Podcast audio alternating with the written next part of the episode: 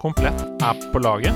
Komplett har gitt oss så mye som vi kan gi til dere. Komplett er så innmari hånd i hansken. Ja, det er Komplette på laget på nederlandslaget. Trusted by geeks. Ja, ja, ja.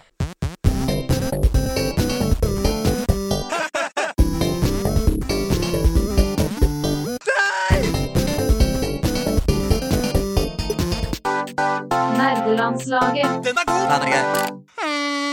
Gud bedre, mine damer og herrer. Altså, det er en crazy verden vi lever i, men heldigvis så er det et lite knippe med saneness oppi det hele, og det er nerdelandslaget. Hjertelig velkommen eh, til en ny eh, hyggelig time to, tre eller fire her. Vi er jo ikke alltid helt sikre på hvor lang tid det tar. Godt å ha deg her eh, med oss. Mitt navn er Stian, hei hei. Og rett foran meg så sitter han sporty som faen med en Adidas eh, overdel. Ser ut som han er klar til å løpe fra eh, stolen sin når som helst. Han er eh, gamingens Usain Bolt. Eh, Andreas Hedemann. Wabba-labba-dab-dab! Eh, Rick and Morty. Yes! Wabba-labba-dab-dab! My catchphrase, Rick! Det er jo kanskje en av de bedre catchphrasene sånn, eh, i, eh, i historien av catchphrases. Ja, det er jo det. Og jeg det er helt at oppe med Jabba Dabba Do. Ja. Wabba Dabba Dab Dab! um, den, de ble sendt inn, faktisk. Det sier litt om hvor mange catchphrases som er blitt sendt inn til oss. For den ble sendt inn i forbindelse med sesong fire av Rick and Morty, som var vel i april. Ja, ja, det begynner med en stund siden.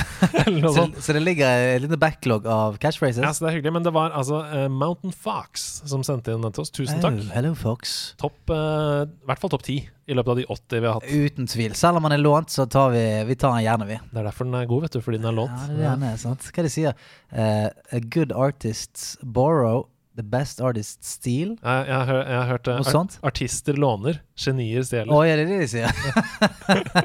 Men her er det ingenting stjålet. Her er det ingenting stjålet.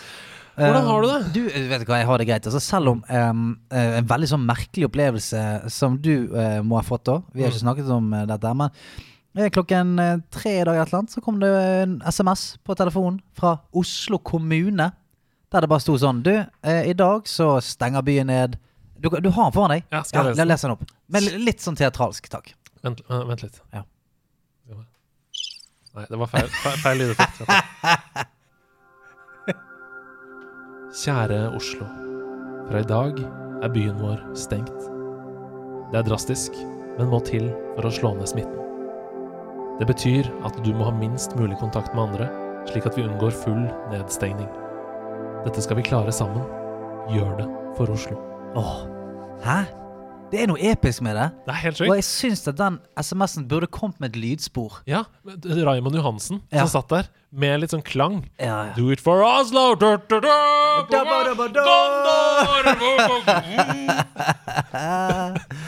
The biggest of Gondor are lit! Ja, det er sånn, hva er det han sier? Eh, altså, veldig ofte sånn når man skal samle troppene før kamp, så er det sånn Knights of Gondor, assemble! Men her er sånn Knights of Gondor, scatter! Scatter two meters apart, please! Gjør det for Oslo! ja, ja. Uh, Vet du hva jeg gjorde i dag? Ja, hva gjorde du deg? Jeg holdt et foredrag om nederlandslaget. Nei, hæ? Ja. Hvorfor gjør du det? Har du begynt å kjøre solo? Nei, har, ikke, har ikke vi kontroll på kjappen lenger? Hva er dette? Vi ble spurt av eh, NRK sin uh, podkast Vi hadde sånne po interne podkastdager, sånn inspirasjon og sånn, Ja. om vi kunne komme og holde et ti minutters foredrag Mm. eh, som bare var sånn eh, Fortelle om hvordan vi gjør infotainment og Discord-serveren og sånn. Og så videresendte jeg mailen, da, men Du, eh, jeg skulle til å spørre Er dette en av de meldingene som du har sendt? Og ikke fått svar på? Ja. Og du, er, altså, du er kanskje den mest tålmodige personen med meg i livet. Det tror jeg. For det, de, de fleste andre, de, de klikker. Uh, men altså, det, det går så hett i pappen av og til. Og mens, Og det er helt greit. mens med deg du er verdens søteste sånn. Du, jeg gjorde et, eh, jeg gjorde Og så sier jeg, sitter jeg og sier sånn Har du begynt å kjøre sol? Bare, Nei, nei, det, dette visste du om. dette visste, visste du veldig godt om. Fy flate. Du, takk for at du er så god. Ja, nei, men Det var bare hyggelig. Det var veldig gøy, og folk satte skikkelig pris på det. Og eh, vi fikk applaus, så du fikk applaus, da. eh, I Ja, kraft av å være på Ja, jeg fikk ekkoet. Jeg fikk ekkoet av ja, applausen. i hvert fall. Det er godt. Du, I dag så har vi jo en, eh, en veldig fin gjest. Mm. Eh, han har allerede kommet. Ja. Uh, sitter da fem og en halv meter unna. Musestille. Uh, ja, vel, han er en liten ninja. Mhm. Oi! Oi, hva er det for noe? Jeg tror det Oi. Oi. Hei. Hallo? Oi, du, vi har med oss eh, en toåring i dag som er verdensmester i Roblox. Nei, du, vet du hva? I dag så har vi med oss uh, uh, en som heter, på ekte, Jonas Navarsete. Men kjent for de fleste som Average Jonas. Velkommen, Jonas! God dagen. God dagen, God dagen, du. Hva det går? Det her, her går det fint. Wow. Ja, men sant, det, det, er godt å ha, det er godt å ha noen andre dialekter her Det er viktig. Representasjon har jeg lært at det heter. Mm, Ja, rep- ja, det er heter. Kulturell representasjon. Representasjon. Også, Representasjon. dyslektikere er også representert. Ja, ja, det er det. det, I er det. got you, fam. Men eh, um, velkommen til Oslo, Takk. til eh, det kriserammede eh, stedet. Velkommen skal du være. Har- det Er alt fint med deg? Ja, jeg har det kjempeflott. Jeg, jeg får eh, veldig god eh, oppvartning i Oslo. eh, Så Ja vel, det må, vi snakke, det må vi snakke mer om. Ja. Eh, Har du lyst til å fortelle litt om hvordan denne oppvartningen finner sted, Stian? Idet han tar seg en Ja. slurk av kaffekoppen. du vet du hva, det, det har, har jo seg sånn at uh, meg og Jonas Vi har jo kjent hverandre veldig lenge, men de siste fire årene kanskje, så har det bare vært sånn på eh, teksting og noen Facebook-meldinger sånn uh, ja, Azeroth. Ja, litt Azeroth kanskje til og med. Vært eh, innom, innom Apex en gang eller to. Mens uh, når han bodde i Oslo, så hang vi litt her uh, og jazzet og holdt på og koste oss her. Så eh, da når Jonas sa at han skulle flytte tilbake til Oslo, eh, og han skulle sjekke ut en leilighet, så tilbød jeg meg boden min. Oh. Verktøysboden. Ja. Så han Det var var ikke så, det var ikke så Jo, men det er en veldig flott Det er, det, det er en ganske luksuriøs verktøysbod. da. Ja, det er sånn godt, hardt marmorgulv der. Eh, Mm. Og det, det er veldig flott, altså. Så du ligger jo da eh, på en gressklipper. Eh, Ja. Men det, det, det, Men jeg, befant, nei, jeg brukte den som pute.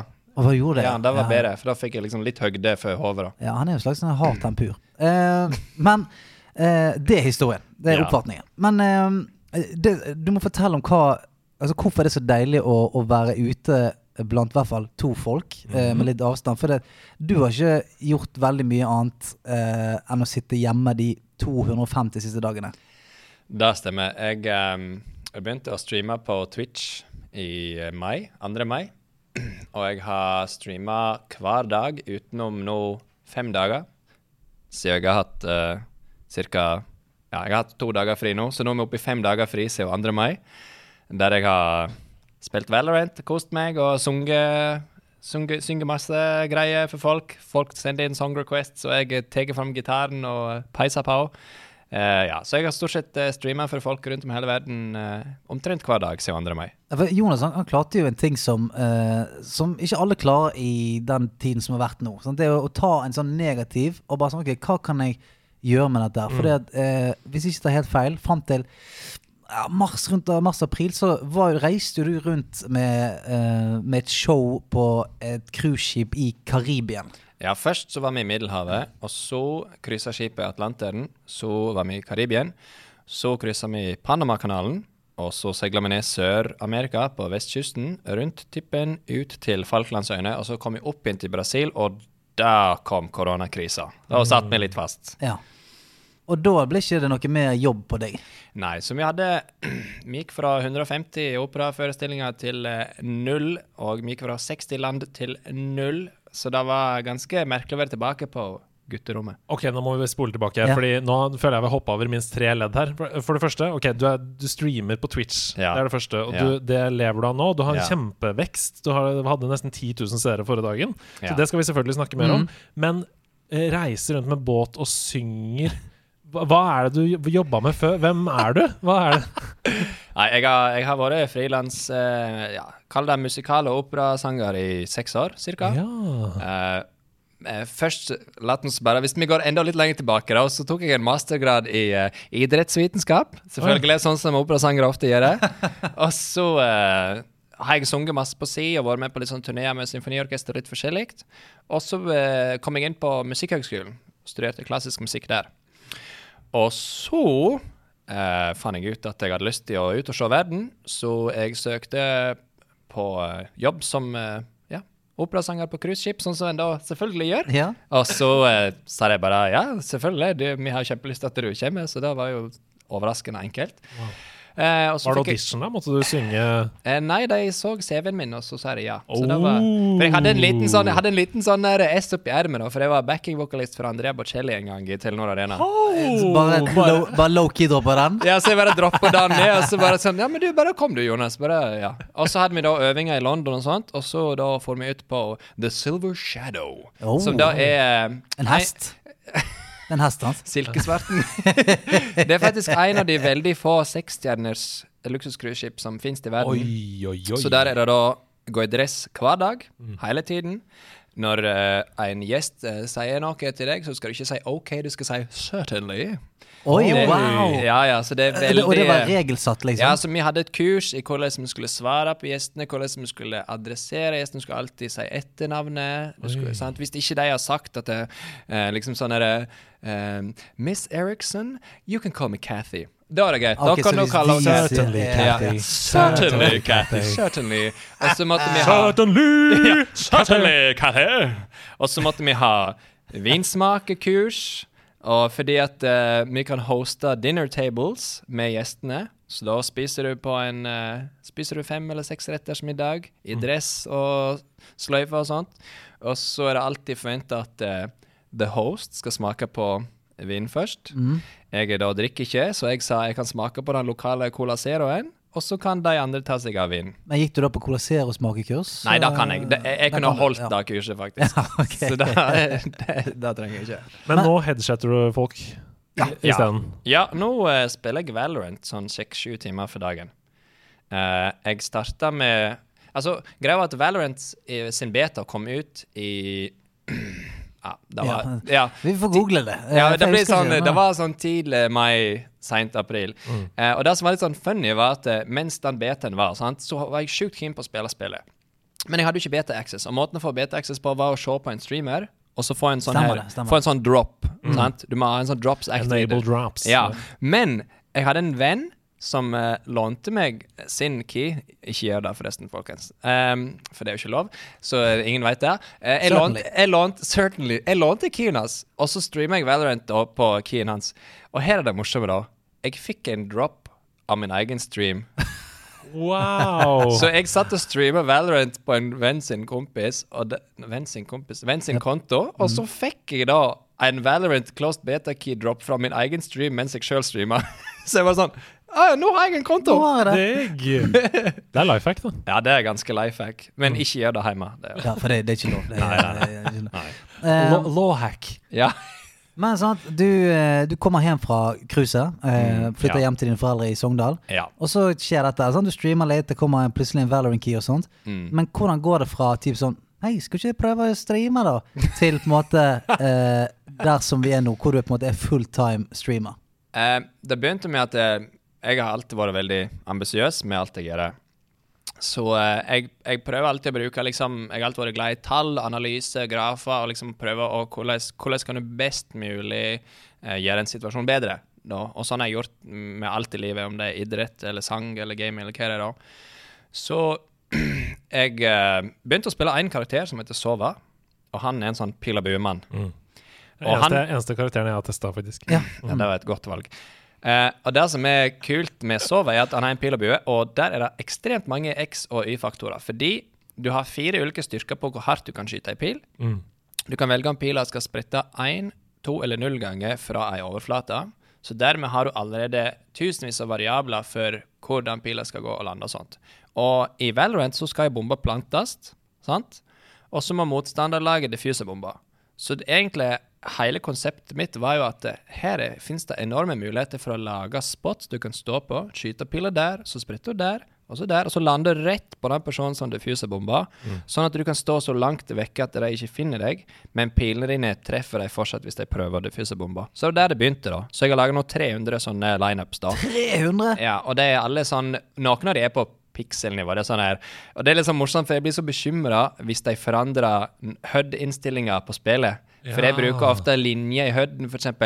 Plasser venstre høydelinja oppå denne skyggen på hjørnet av taket der, og så sikter du dit, og så strammer du bågen to hakk, sant, og skyter. Men tenk nå hvis høyden blir forandra. Da får jeg da hundretusenvis av meldinger bare sånn ah, My lineup no longer work! What I do? Nei, men da, Det som er bra med det, da kan du lage 300 nye. Ja, det er jo Så har du kjempeflott. Så har du content. Ja, så har du content. Ja. Så-. Så jeg lagde jo det, da. Men så er det sånn Så må du finne måter for å du nå ut til folk på. Ja. Og da har du Reddit som en kjempeløsning, men Reddit er òg vanskelig fordi at du kan ikke promotere Twitch-kanalen din der. Mm. Men du kan promotere communities. Ja, for det er ikke lov å promotere Twitch der, vel? Nei. Nei. Self-promotion generelt er veldig fy-fy i Twitch. Det skal være sånn Ja. at 90% av alt contentet ditt skal være non-self-promotion. Ja. Så for ti poster da, så må du poste ni andre, og så kan du promote deg selv. Så Ja, så en stund prøvde jeg å ha sånn der at jeg, hvis jeg bare kommenterte 'ha-ha, hei, smiley' på liksom ni ganger per post. Here's på- a, here's a cat. ja, sant. Men, men så fant jeg ut at det, der du kunne gjøre det, det var at jeg lagde en Discord-kanal, en Discord-community, som jeg kalte for Average Jonas Lineup Club. Og så delte jeg inn kanaler for hver agent, for du kan jo lage lineups til andre agents òg. Det er jo ikke bare pilene. Du har jo Molotov grenades, og du har mange, sant. Du, Og alle sammen har prosjektil, og så lenge det er et prosjektil, så kan du lage en lineup, sant. så eh, delte jeg inn kanaler i Maps og Agents, og så begynte jeg å bare, på streamen min, lagre Twitch-klips. Så jeg bare lagra Jeg fikk en til å sitte i chatten og lagre et Twitch-klipp av en lineup, og så legger jeg den i discoen etterpå, og så kategoriserer jeg alfabetisk og per map og attack og defense og sånt. Og da gjør jeg to ting. For det første så har jeg invitert folk til et community, og ikke reklamert for streamen min. Men med en gang de skal lære noe i communityet mitt, så må de trykke på streamen min for å se det. Og hvis jeg da ser at det lyser rødt, og at jeg er live, så er det ganske stor sjanse for at de da kommer og ser på streamen òg. Mm. Så sånn var det begynt, og nå har jeg verdens største Valorant-discord, da. 30 000 medlem. Det er ganske hissig. Wow. Utenom Valorant sin discord, da, men det teller liksom ikke. Men, men altså wow, 30 000! Ja. I går, Wow. faktisk. 30 000 i går. Gratulerer. Gratulerer. Det er veldig stort. Men- veldig lurt. Veldig jeg, lurt. jeg bare lurer på den der første dagen, jeg. Den der OK, trykke på send live. Ok, hva, hva skjer nå? Hvor mange, hvor mange er inn, var innom på den Mm. første dagen? Hva tenkte du da? Når det er sånn, Nå skal jeg begynne på dette eventyret. Hvordan var første dagen? Første dagen så hadde jeg vel totalt tolv besøkende i løpet av seks timer, tror jeg. Og, og halvparten av dem var vel folk som jeg spilte med. Ja. Mm. Så det var en del av den klassiske sånn I had two viewers, myself and my bot. Mm. Det var litt sånn den eh, Ja. Og Men, men er- var det demotiverende? Eller? Ja, altså, men, men greia er at det, jeg har jo eh, drevet med YouTube mange år før og prøvd å feile. Jeg har liksom laga masse musikkvideoer, sånn som Stian vet, og, eh, og liksom noen ganger så plutselig så skjedde det at Coldplay delte ene sangen min på Twitter, det kan vi jo snakke om etterpå.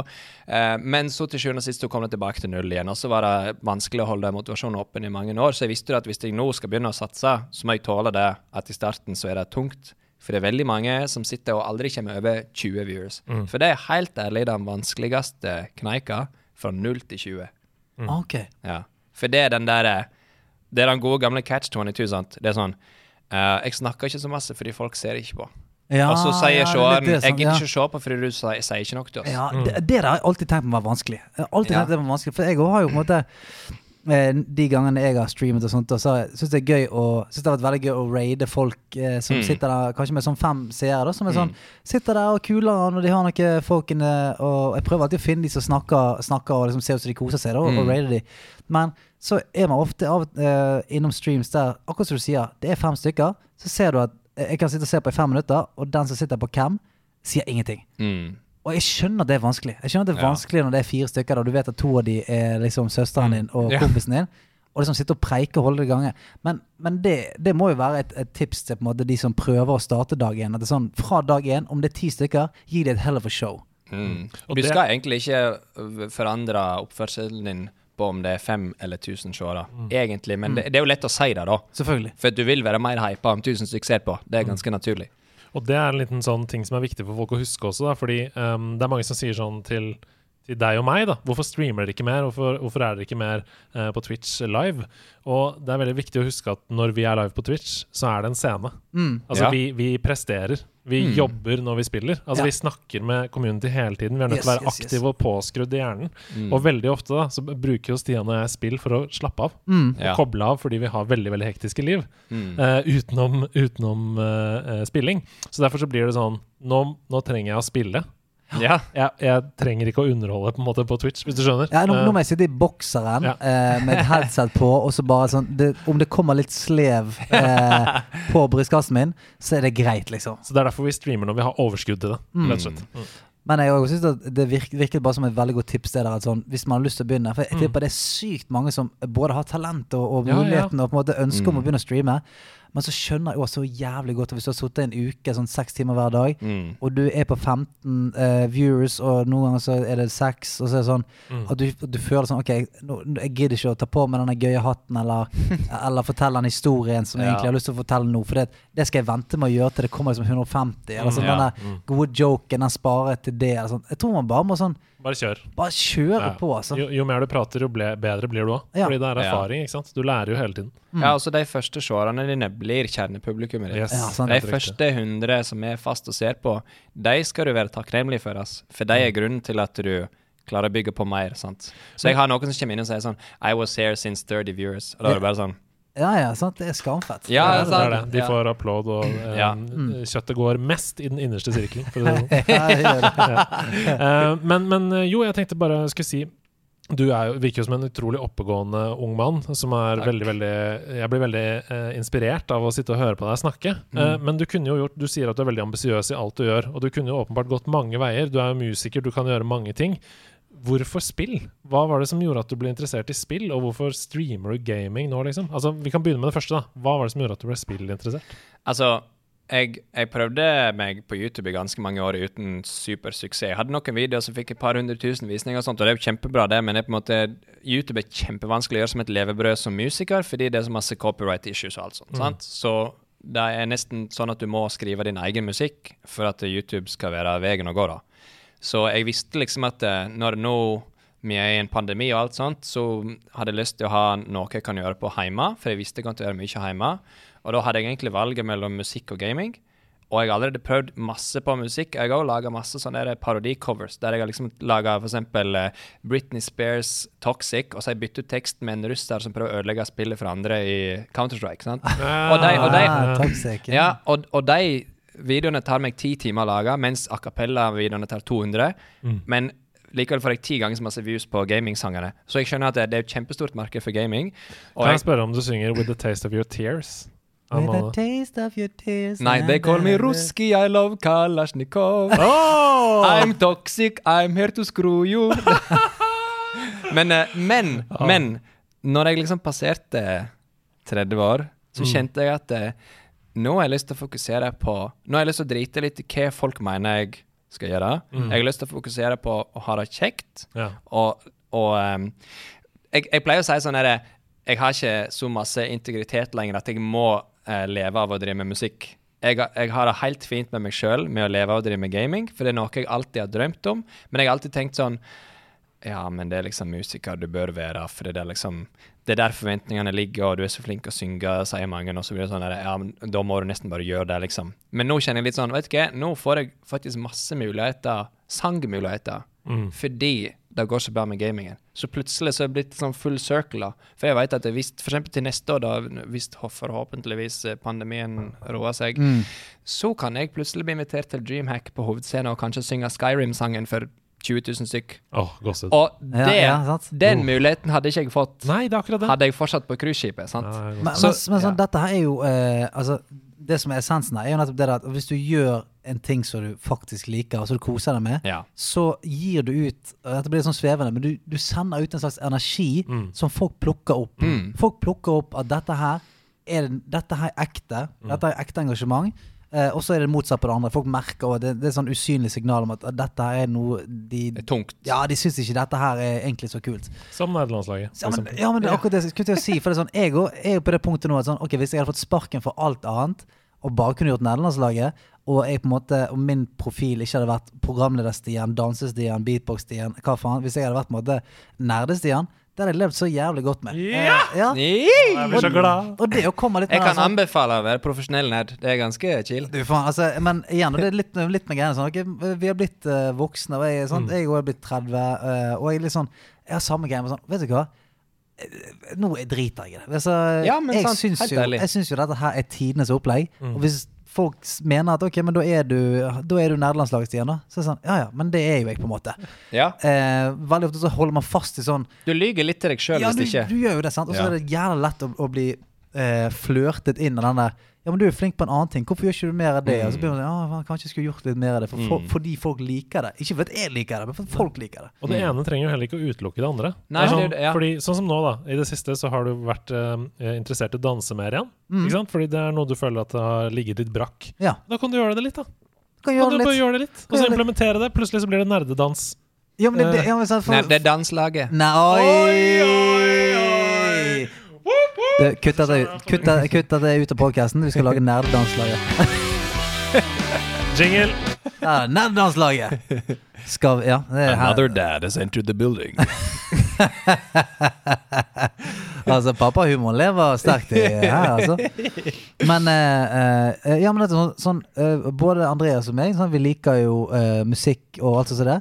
Og da er det sånn Ja, men da gjør vi det i, i nerdepodkasten. Da. Det er sånn, Da lager vi dikt og låter og drit. Det er sånn, og blander det med en annen ting vi digger. Mm. Så jeg, Det syns jeg er supergøy. Men eh, bare for å gå litt sånn eh, eh, Bare for å bli ferdig med sånne streamingreisene. sant? Så Mm. du begynner, det er 9 til 12 viewers. Mm. Du, eh, du krummer nakken, tenker sånn Fuck it, jeg bare peiser på. -hmm. Og når er det det skjer en sånn Oi, nå skjedde det noe. Nå var det en skift. Mhm.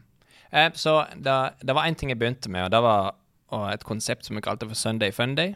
Der søndagene handler om communityet. Så hver søndag så lagde vi custom games der seerne spiller mot hverandre, og jeg kommenterer. Jeg er bare kommentator, jeg spiller ikke sjøl. Mm. Og jeg hadde brukt, programmert en bot til å randomisere to teams, eh, fem på hvert lag, med en kaptein.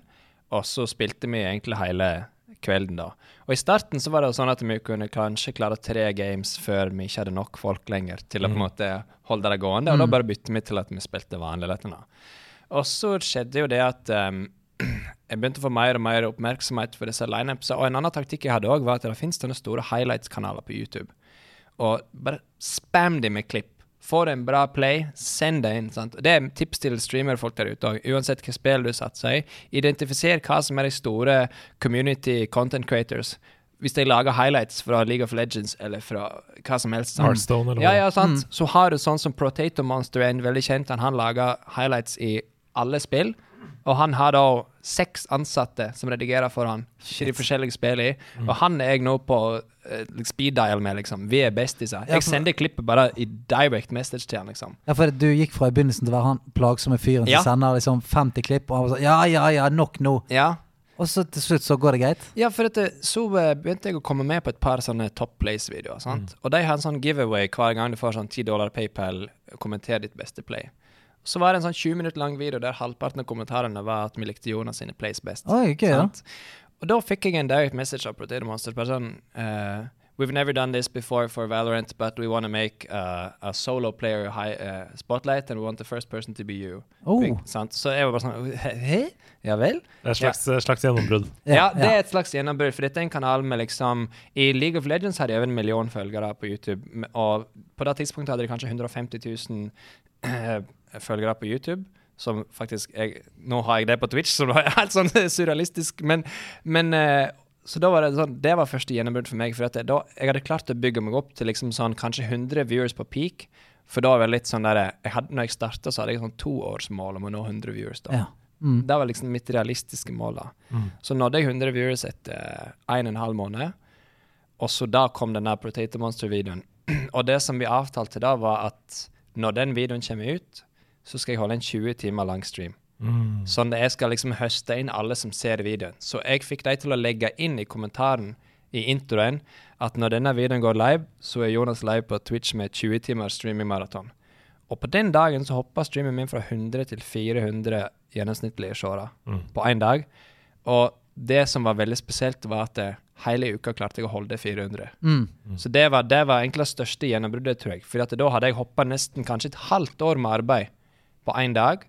Og jeg klarte å holde det i det. For jeg tenkte kanskje at ok, men dette er en sånn her superhype 20 timers greie, sant? fordi at nå kom videoen ut. Men så viste det seg at liksom, den bare gikk og gikk og gikk, og nå har den vil- videoen av 1,5 million visninger på YouTube. Holy shitballs. Jeg er bare nødt til å dra opp én ting til før vi forlater streaming-universet. Fordi uh, du ble jo åpenbart stor innen Valorant-community, og folk, Mm. alle visste om du var 30 000 følgere på Discord. Ikke sant? Folk visste innenfor community, men det som virkelig tok deg ut fra eh, bare, i veldig hermetegn her, Valorant, og ut i hele gamingverden, var jo den hendelsen med Ninja. Kan du ikke fortelle litt om det? Ja. eh, jeg eh, En av de tingene med å vokse mye på en streamingplattform, er jo når du får mer oppmerksomhet, så får du også mer haters. Og du får flere folk som søker å ta del i oppmerksomheten din, enten på positiv eller på negativ måte. Så jeg fikk en person som eh, Han var en 27 år gammel hjertekirurg som donerte penger til meg hver dag i to uker. Han donerte over 5400 dollar i løpet av to uker, altså 50 000 kroner da. Eh, i, mange, I over 20 forskjellige donasjoner. Han, eh, han eh, skrev sånne ting som 'Ha en fin dag'. 200 dollar. Og det er sånn eh, Hallo? Er dette normalt? Sant? Så tenkte han Ok, så tenkte jeg sånn, ah, Det er litt sånn mystisk, for når du går inn på PayPal, så står det vanligvis fullt navn på folk som har donert. og sånt. Her står det bare sånn langt sånn der banksjekknummer. Og da, Ah. da kjente jeg at jeg begynte å ane litt sånn ugle i mosen. og så gikk det to uker, så kom den første refund-requesten. Så tenkte jeg sånn Refund request? Dette her stemmer ikke. Så sender jeg en melding til han og spør du dette her er det er noe som ikke stemmer. Jeg har fått en refund request. Han bare Nei, det kan ikke stemme. Jeg har, jeg har godkjent uh, transaksjonen. Dette kan ikke stemme. Tenkte OK, da får jeg bare la det ligge litt, og så ser vi. Så kom det en ny, og en ny, og en ny. Og det sto det at eh, ikke bare vil pengene bli refunda, men jeg må betale 20 dollar i sakskostnader per refund. Og dette var over 20 refunds, da. Så da snakker vi om 4000 kroner fra egen lomme, i tillegg til de pengene jeg har fått donert. Eh, så eh, da måtte jeg konfrontere ham og si sånn Du, eh, det fortsetter å skje. Altså, og det står ikke noe fullt navn for deg inne på altså, Kan du bare sende meg altså, Kan du bekrefte på noen måte at du er det? Kan du bare sende meg liksom, identitet? For dette var en person som hadde sendt melding til meg og sagt at grunnen til at han liker å gjøre verden en bedre plass, er for at han hadde sett foreldrene sine dø framfor seg. Altså, og derfor vil han bli lege. Altså, det er helt absurd. Jeg har eh, 500 meldinger, liksom av en person som virker som en givende og omtenksom person, som sitter i timevis og ser på streamen din, og så er alt løgn. Helt jeg, Ja. Altså, jeg blir helt uh, satt ut av det. Ja, for du fant, ut at, du fant ut at du var ikke det eneste jeg kaller det offer. han, har- han har gjort dette med over 15 andre streamers, da. Mm. Så til sjuende og sist så uh, ble alle pengene returnert til han, Mm. og jeg betalte 4000 fra egen lommebok. Ja, og jeg er jo egentlig helt forsvarsløs, for jeg, jeg tar bare imot donasjoner. Mm. Sant? Så, så for at det, det som skjedde, var at når jeg ba han om å gi meg liksom idé, eller f vise at han var han, så sletta han Discord-kontoen sin. Han deaktiverte Twitch-kontoen sin. Han forsvant fra alle flater. Mm. Jeg hadde screenshotta og tatt alle sånn klipp og alt sånt, full evidens i forkant.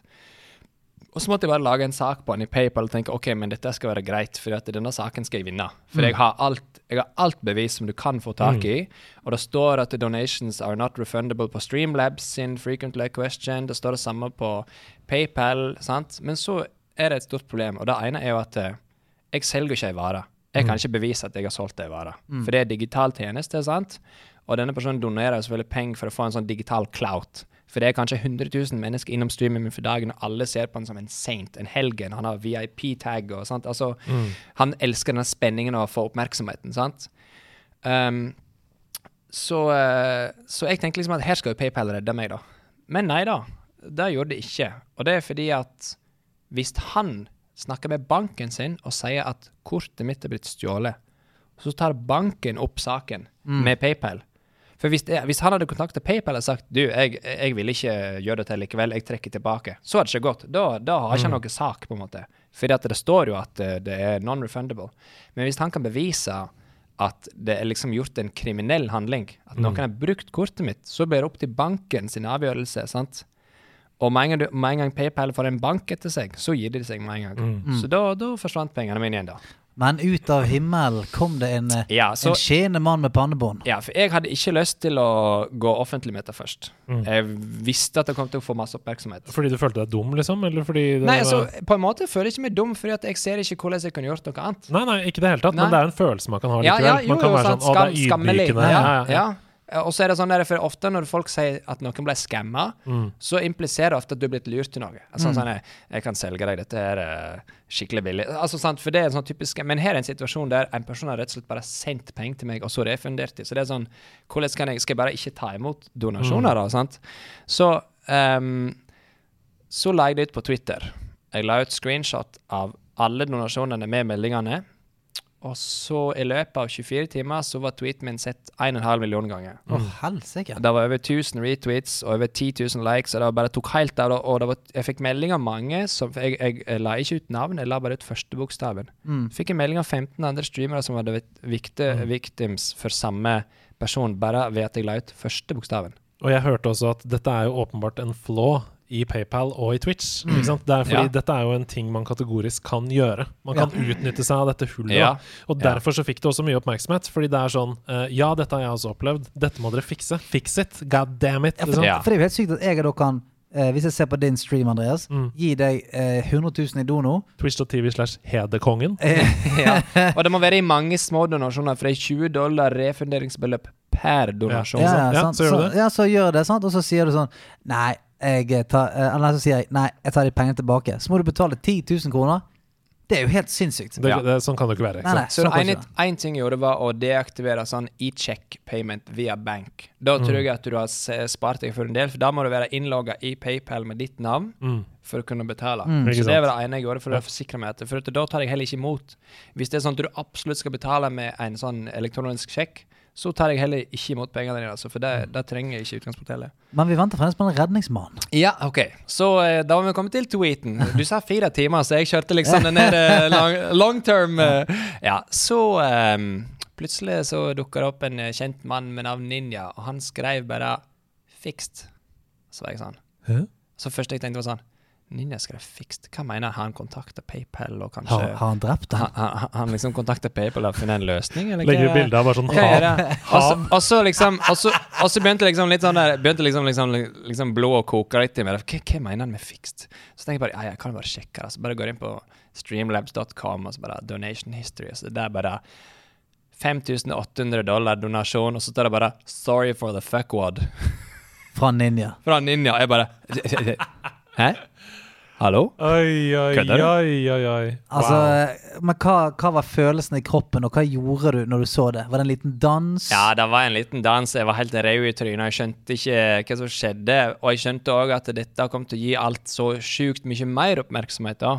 For da begynte selvfølgelig alle disse e-sports nyhetssidene å komme inn i bildet. sant? Og kontakte dem, ville høre storyen min og sånt. Og så endte jeg opp med å først holde liksom eh, nickname og sånt hemmelig til denne dona donasjonspersonen. da. Men så til sjuende og sist så kom det ut en video for et par dager siden av en av de største sånne e-sportsmagasinene på YouTube med 1,5 million følgere, der det er et fullt intervju med hele prosessen med meg.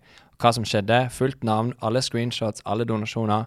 Alt lagt på bordet. For jeg ville bare liksom fortelle min historie 100 for at folk skal skjønne at det kan skje med hvem som helst, og at det er PayPal som har fiksa systemet sitt. Fordi at de, de har ikke tilpassa systemet sitt til den moderne digitale eraen. da. Og det var jo det jeg innledningsvis sa her. Det, altså Mainstream media kom på banen. Til og med nrk.no hadde Ja, jo på en måte en sak. Altså Ja. da, da, er det, da er du plutselig langt utenfor bare Valorant sine Mm. følgere. Da er det Ja. alle som er i det hele tatt er interessert i spill, Ja, ja. Og, og ikke nødvendigvis det engang. Altså Det kan være folk som bare er på forsiden til nrk.no. Eh, Ja.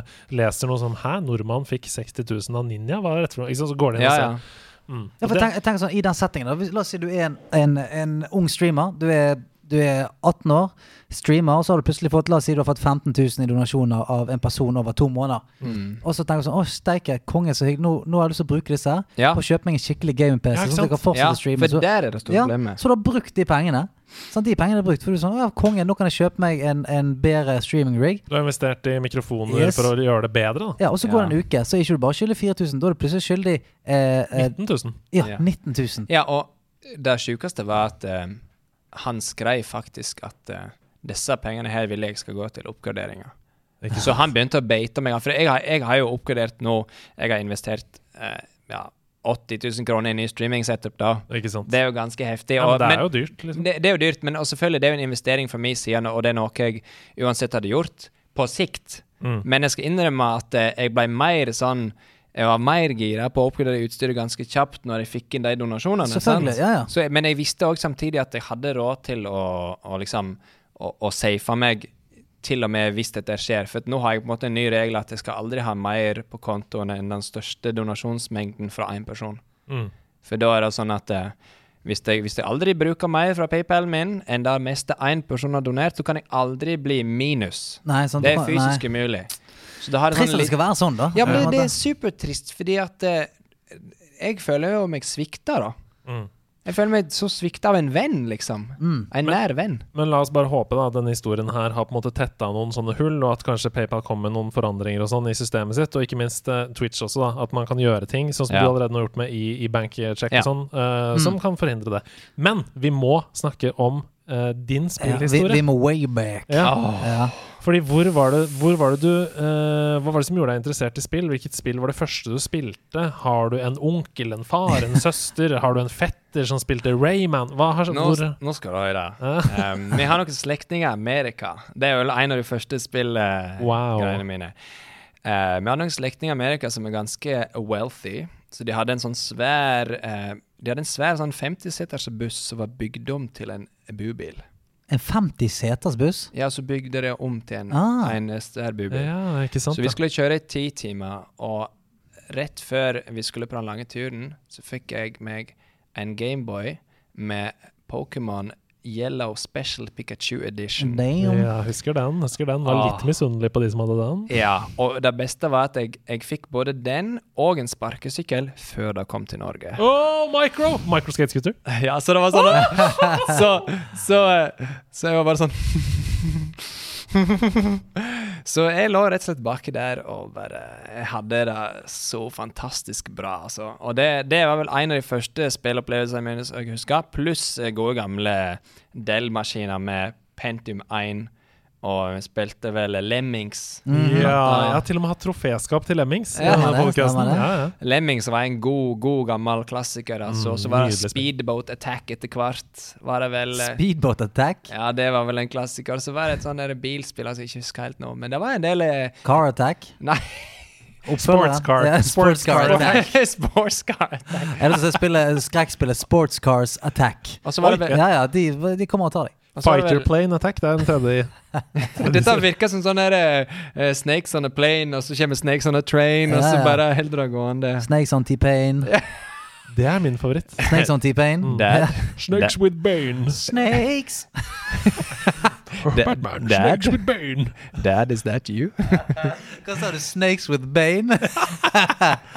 Så mens vi var innom snakes on this plane. Mens vi var innom sånne tørre, tørre dad jokes Ja, du vil, ikke, du, vil ikke, du vil ikke ha flere snakes? Uh, Nei, nei, altså, jeg bare er kom fint, på det. Det vi, Star Wars på nynorsk.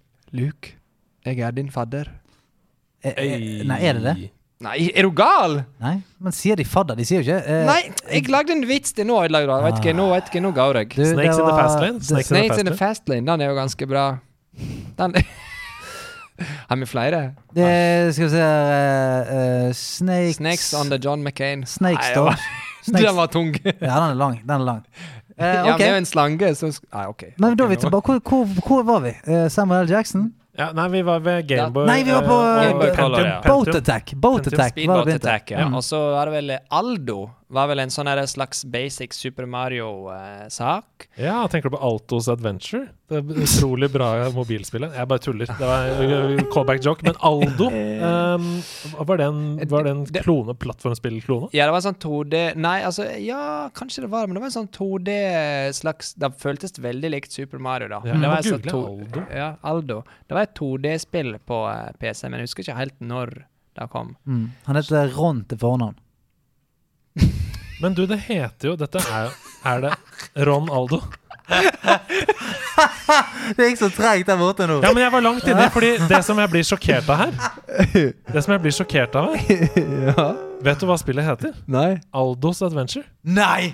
Det betyr at mobilspillet Altos Adventure er en hommage Ja. til Aldos Adventure. Ja, Fordi her, er her står det Aldos Adventure. Det, er, det er Jeg viser skjermen til gjestene våre nå. Uh, Wow!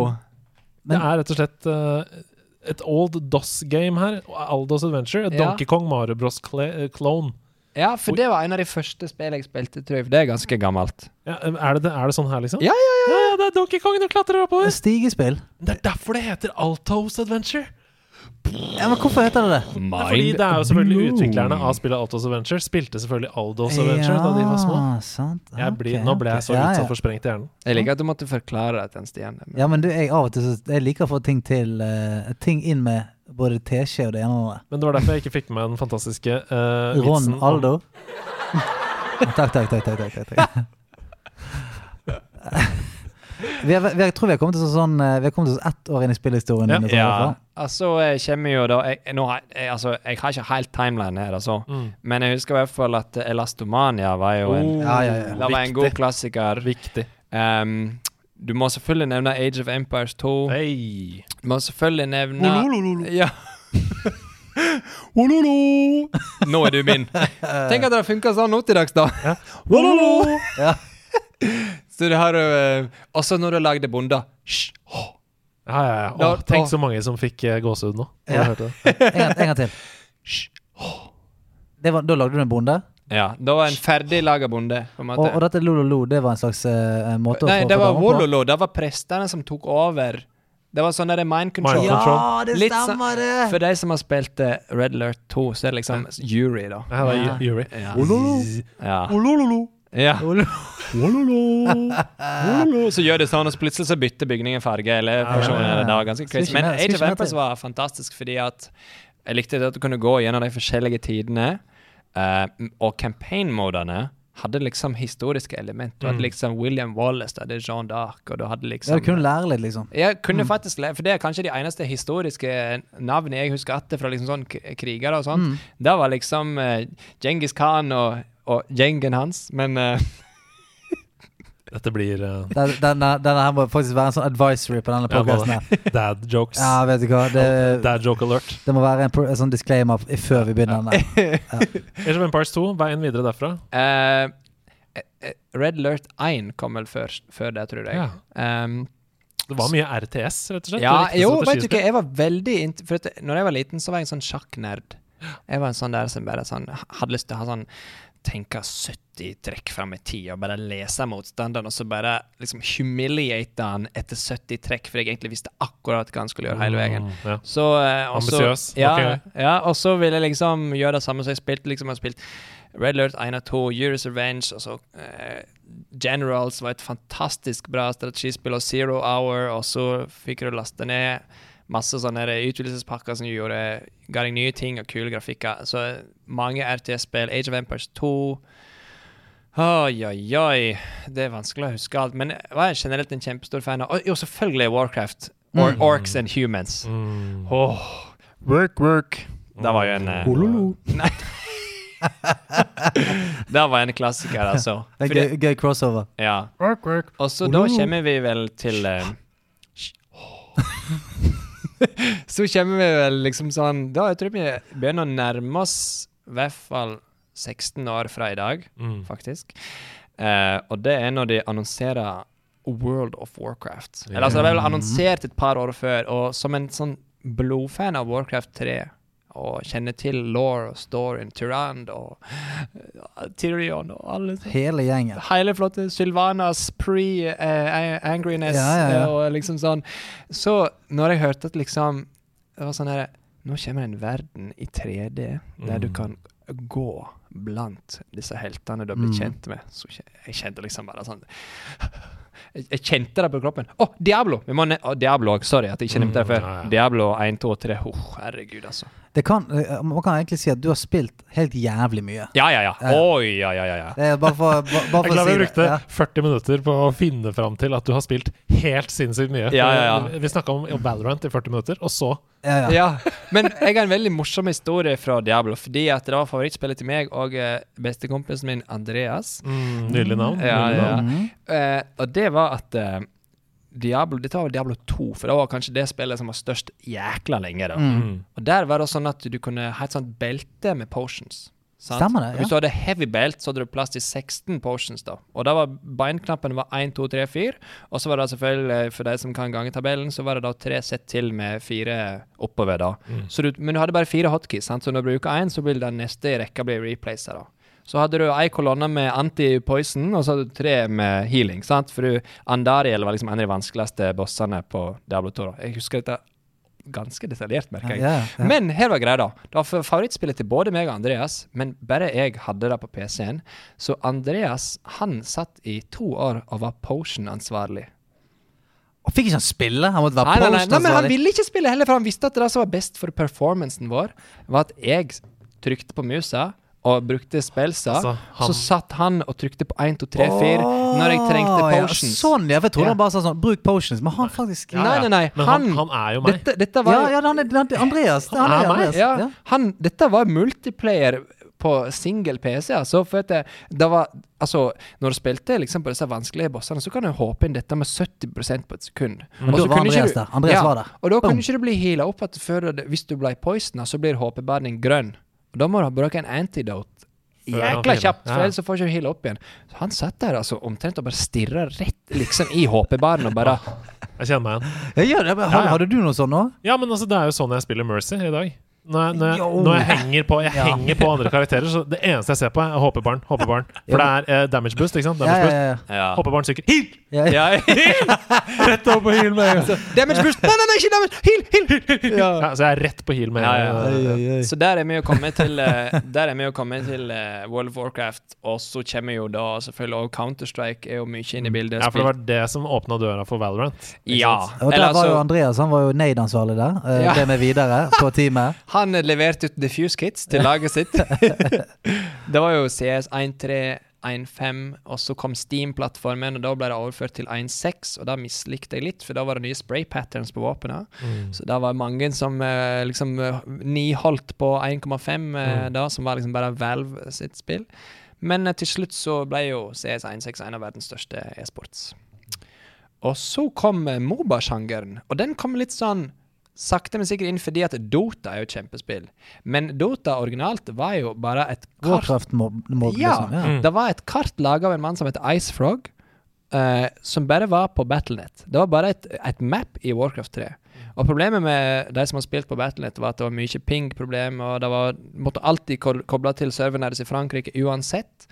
Um, helt fram til det kom noe som heter Hamachi, eller List Checker, som var sånne peer-to-peer connectors. Du hadde en måte å connecte rett til de du spilte med. da. Du lager et sånn virtuelt LAN. da. Mm. Så folk begynte å spille med det, og da går du inn på LAN istedenfor uh, inn på nettet. Og da kunne du spille uten å ha en godkjent CD-key. Det var mange fordeler med å lage et virtuelt LAN. sant? Uh, og det utvikla seg jo seinere til å bare bli en, en av verdens største spillsjangere. Mm. Moba er jo nå League of Legends. Uh, Men spilte du det? League of Legends? Ja, noen av de. Ja, jeg, jeg spilte masse Dota. Eh, spilte Dota 1 mens det fortsatt var på Warcraft i Nordic Inhouse League, som var det høyeste nivået i Europa på det tidspunktet. Så kom Heroes of New Earth ut. Mm, hånd. Hånd. Det var det første som kom ut. Det kom ut før League of Legends. Um, og det var egentlig en klone på Dota. Det det samme systemet med at 522 var max movement speed. Det var samme characters med alt var renama. Det var helt i grensene med dette du snakket om i stad, med liksom eh, Stjele og- og låne. ja, Ja. mm. Spilte da. uh, vant norgesmesterskap i hund. Eh, vi, Wow. vi, hadde en, eh, vi hadde en sånn her eh, Vi var på Galakseland i Skien og vi satt og gama. Har har et par, har et par bilder der Ja. som er liksom eh, gamer fortsatt på en sånn jækla svær Asus romskip-laptop. Jeg har et par raffe diplomer derfra. Ja. Noen er på Karpe-konsert i Skien, andre Ja. er på Galakseland.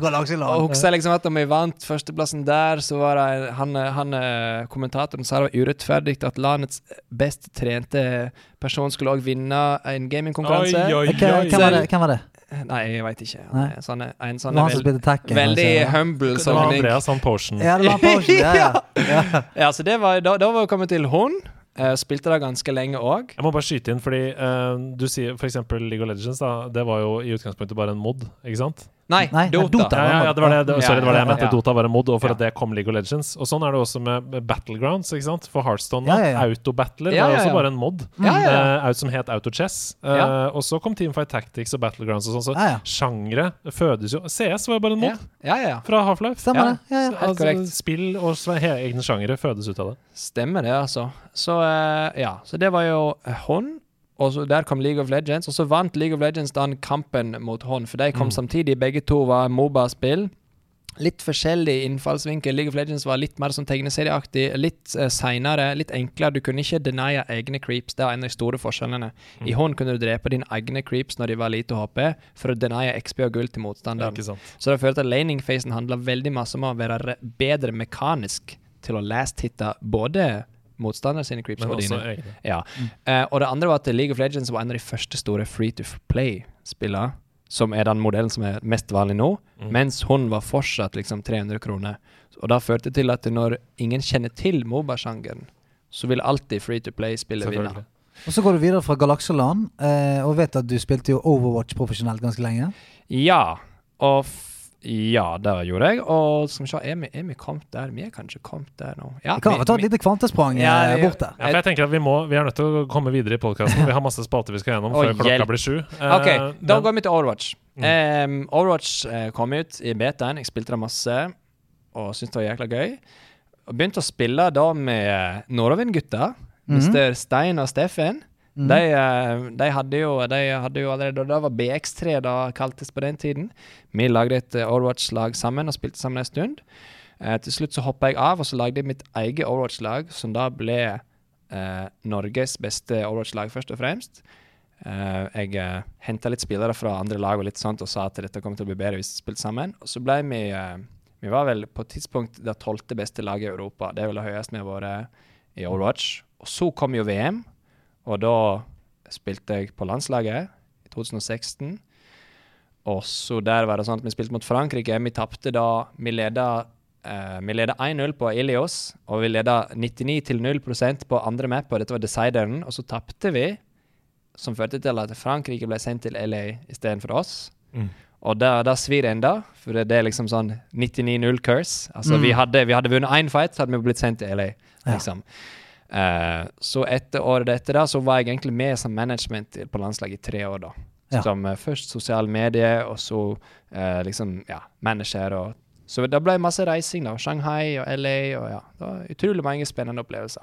Hvis du skal kategorisere deg selv som en type spiller, hva slags type spiller er du? Eh, jeg kan få foreslå Ja. at du er den som er keen på å bli best. Altså Ja. Samme hva du er. Du er veldig ambisiøs. Du er kompetitiv, liksom. ja, ja, ja. Mm. Veldig kompetitiv. Eh, prøv, jeg, jeg tror jeg er veldig sånn glad i å være litt sånn in game leader. Prøve å dra litt i trådene, foreslå at du står der, og du står der, og da kan vi sammen Ja, gjøre sånn. Ja, fordi at jeg, jeg det jo, har drevet masse med idrett, og hele veien her har jeg konkurrert i forskjellige idretter. Vært med i v, eh, ikke VM, NM og sånt i klatring og i styrkeløft og litt forskjellig. Og, og så, så liksom bevegelsesanalyse og idrettspsykologi er jo helt likt i dataspill og i sport. Så hele veien her har jeg prøvd å liksom egentlig bare bruke det, da. Kommunisere som et lag på et dataspill, akkurat det samme. Posisjonere seg som et lag, akkurat det samme. Så det, jeg tror det handler bare om å bruke erfaringen sin til å på en måte se hvor mange fellestrekk det er, da. Mm. Nei, altså sånn eh, det, det høres ut som du er helt fra eh, barnesko av, så likte du som sagt den, det, det strategiske, det sjakkelementet, Ja. ved å på en måte prøve å overliste ved On å edge. tenke trekk. Og det også, eh, trekkes jo fint inn med at du nå er en sover-main som eh, skyter vinkler og, eh, og det hele og det andre. Så full circle, og ikke minst vi kan konkludere nok en gang med at du har spilt jævlig mye. Eh, du har spilt Ja, ja, det- veldig mye. Vi skal til nyheter, fordi det har jo skjedd litt denne uka også. Ja. Eh, I eh, verden. Og det som egentlig skulle vært dedikert til i denne spalten her, var at det skulle stått en svær eske midt på bordet foran Mhm. meg, eh, som vi skulle åpna, tatt bilder av, sikla over og klikka av. Ja. Fordi, kjære nederlandslag, vi har fått PlayStation 5. Yes. Vi har fått PlayStation 5! Ja, men, du, ja, ja, ja, men det må sies. Altså, du jubler vi har fått PlayStation 5. Vi har blitt sagt at vi har fått en PlayStation 5. Men det må vi bare si, da. Nerdelandslaget. Ja, ja. Altså, sti, altså vi, nerdelandslaget, Ja, har fått en PlayStation 5. Og det er takket være de som hører på, og de som er i communityet vårt. De som sørger for at dette er en stor uh, og deilig podkast som uh, Sony tenker at Vet du hva? PlayStation 5, det fortjener nerdelandslaget å få. Og det, det er 100 eh, som Andreas sier, det er deres, eh, deres fortjeneste. Og det er selvfølgelig for at vi skal kunne eh, være litt sånn framme i skoene og teste ting og, og kjenne på ting, så vi kan si til dere Mm. eh, hva dere skal eh, bruke tiden deres på, alt mulig i tiden som kommer nå. Og forhåpentligvis så får alle seg en PlayStation de neste månedene. Men det Mm. som er greien, at den er forsvunnet. Fordi Den eh, er vekk. dette segmentet skulle ja, hett Vise frem PS5. Ja. Nå heter det Fuck DHL. Det er det det heter segmentet Jeg heter tror nå. den skulle hete noe mildere. jeg. Ja, Men jeg tror den skulle være sånn Hvor er, hvor er, hvor er ja. Ja, hvor er liksom? okay, Fordi er den skulle kommet på fredag i forrige uke. Jeg fikk beskjed om at den var for stor for pickup-pointet. Jeg måtte ringe igjen på mandag. Ringte igjen på mandag. De sa ja, OK, jeg lover den skal komme i løpet av kvelden i dag. Kom ikke. Eh, fikk beskjed på DHL-appen av at eh, her ukjent status, vet ikke. Ringte igjen tirsdag morgen. De sa OK, nå skal vi sende melding direkte til budet. For å, for å få fikse dette her. Det, jeg lover at den kommer før fire. Så sa jeg jeg må ha den før fire. Vi skal lage podkast. Vi, vi må vise den fram i podkasten. Ja. vi lover. Ti på halv fem, ingen PlayStation, og det står fortsatt sånn 'bli med på neste syklus'. Så jeg ringer opp til DHL igjen, da, og han bare For nå var jeg helt sikker, ikke sant? Jeg var Ja, helt sikker ja, på at budet har stjålet PlayStation 5. Budet har stjålet Ja, PlayStation 5. Men han, og jeg sa det direkte til DHL òg. Er det sånn at han har stjå- stjålet den, liksom? Er det sånn? Ja. Fordi de visste at det var en PlayStation 5, nemlig. Ja, oi, visste oi, det. ja, oi, ja, oi, oi, oi. DHL. Så jeg sa sånn, og han bare nei, nei, nei, nei, det er ikke stjålet. her. Dette er en personlig feil. Jeg kommer på døra di eh, i dag. Så nå, mens vi sitter her og spiller denne podkasten, så står sannsynligvis den PlayStation i stua mi eh, hjemme. Tenk om han gjør det! Det Tenk, om han det. Tenk, tenk at den er hjemme, og du ikke er hjemme. Det er helt uh... Det var den podkasten, folkens. Nå skal jeg hjem og spille PlayStation. Ja, for det var kanskje en av de siste gangene på veldig lenge den kommer til å være hjemme uten at du er hjemme. egentlig Tenk på det. Det er helt sjukt. Nå skal vi endelig få vist det fram. Du skal også få Hæ?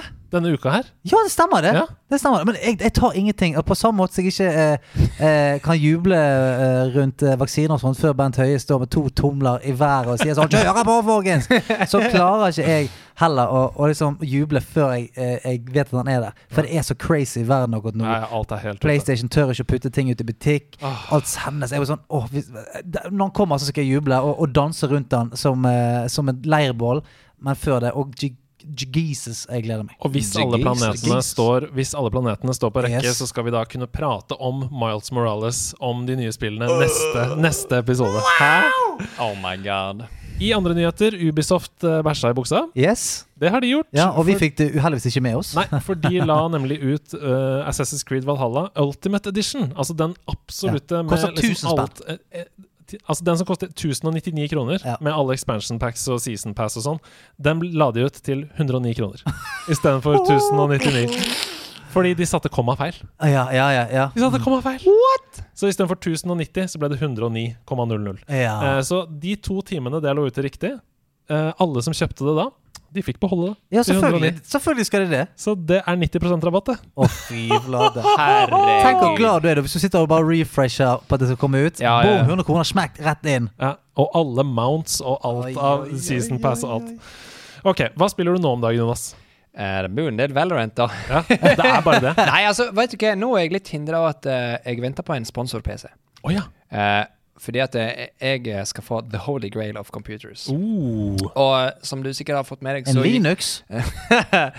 Som du sikkert har fått med deg, så har Nvidia gått litt på en smell med 380, 3080 og 3090 i forhold til at eh, det ble så stort hopp fra forrige eh, årgang Mm. at eh, mange folk designa webbots Mm. og preordra 20-30-40-tall av Det er eh, ikke sant. 3080 og 3090 til gjensalg på svartemarkedet.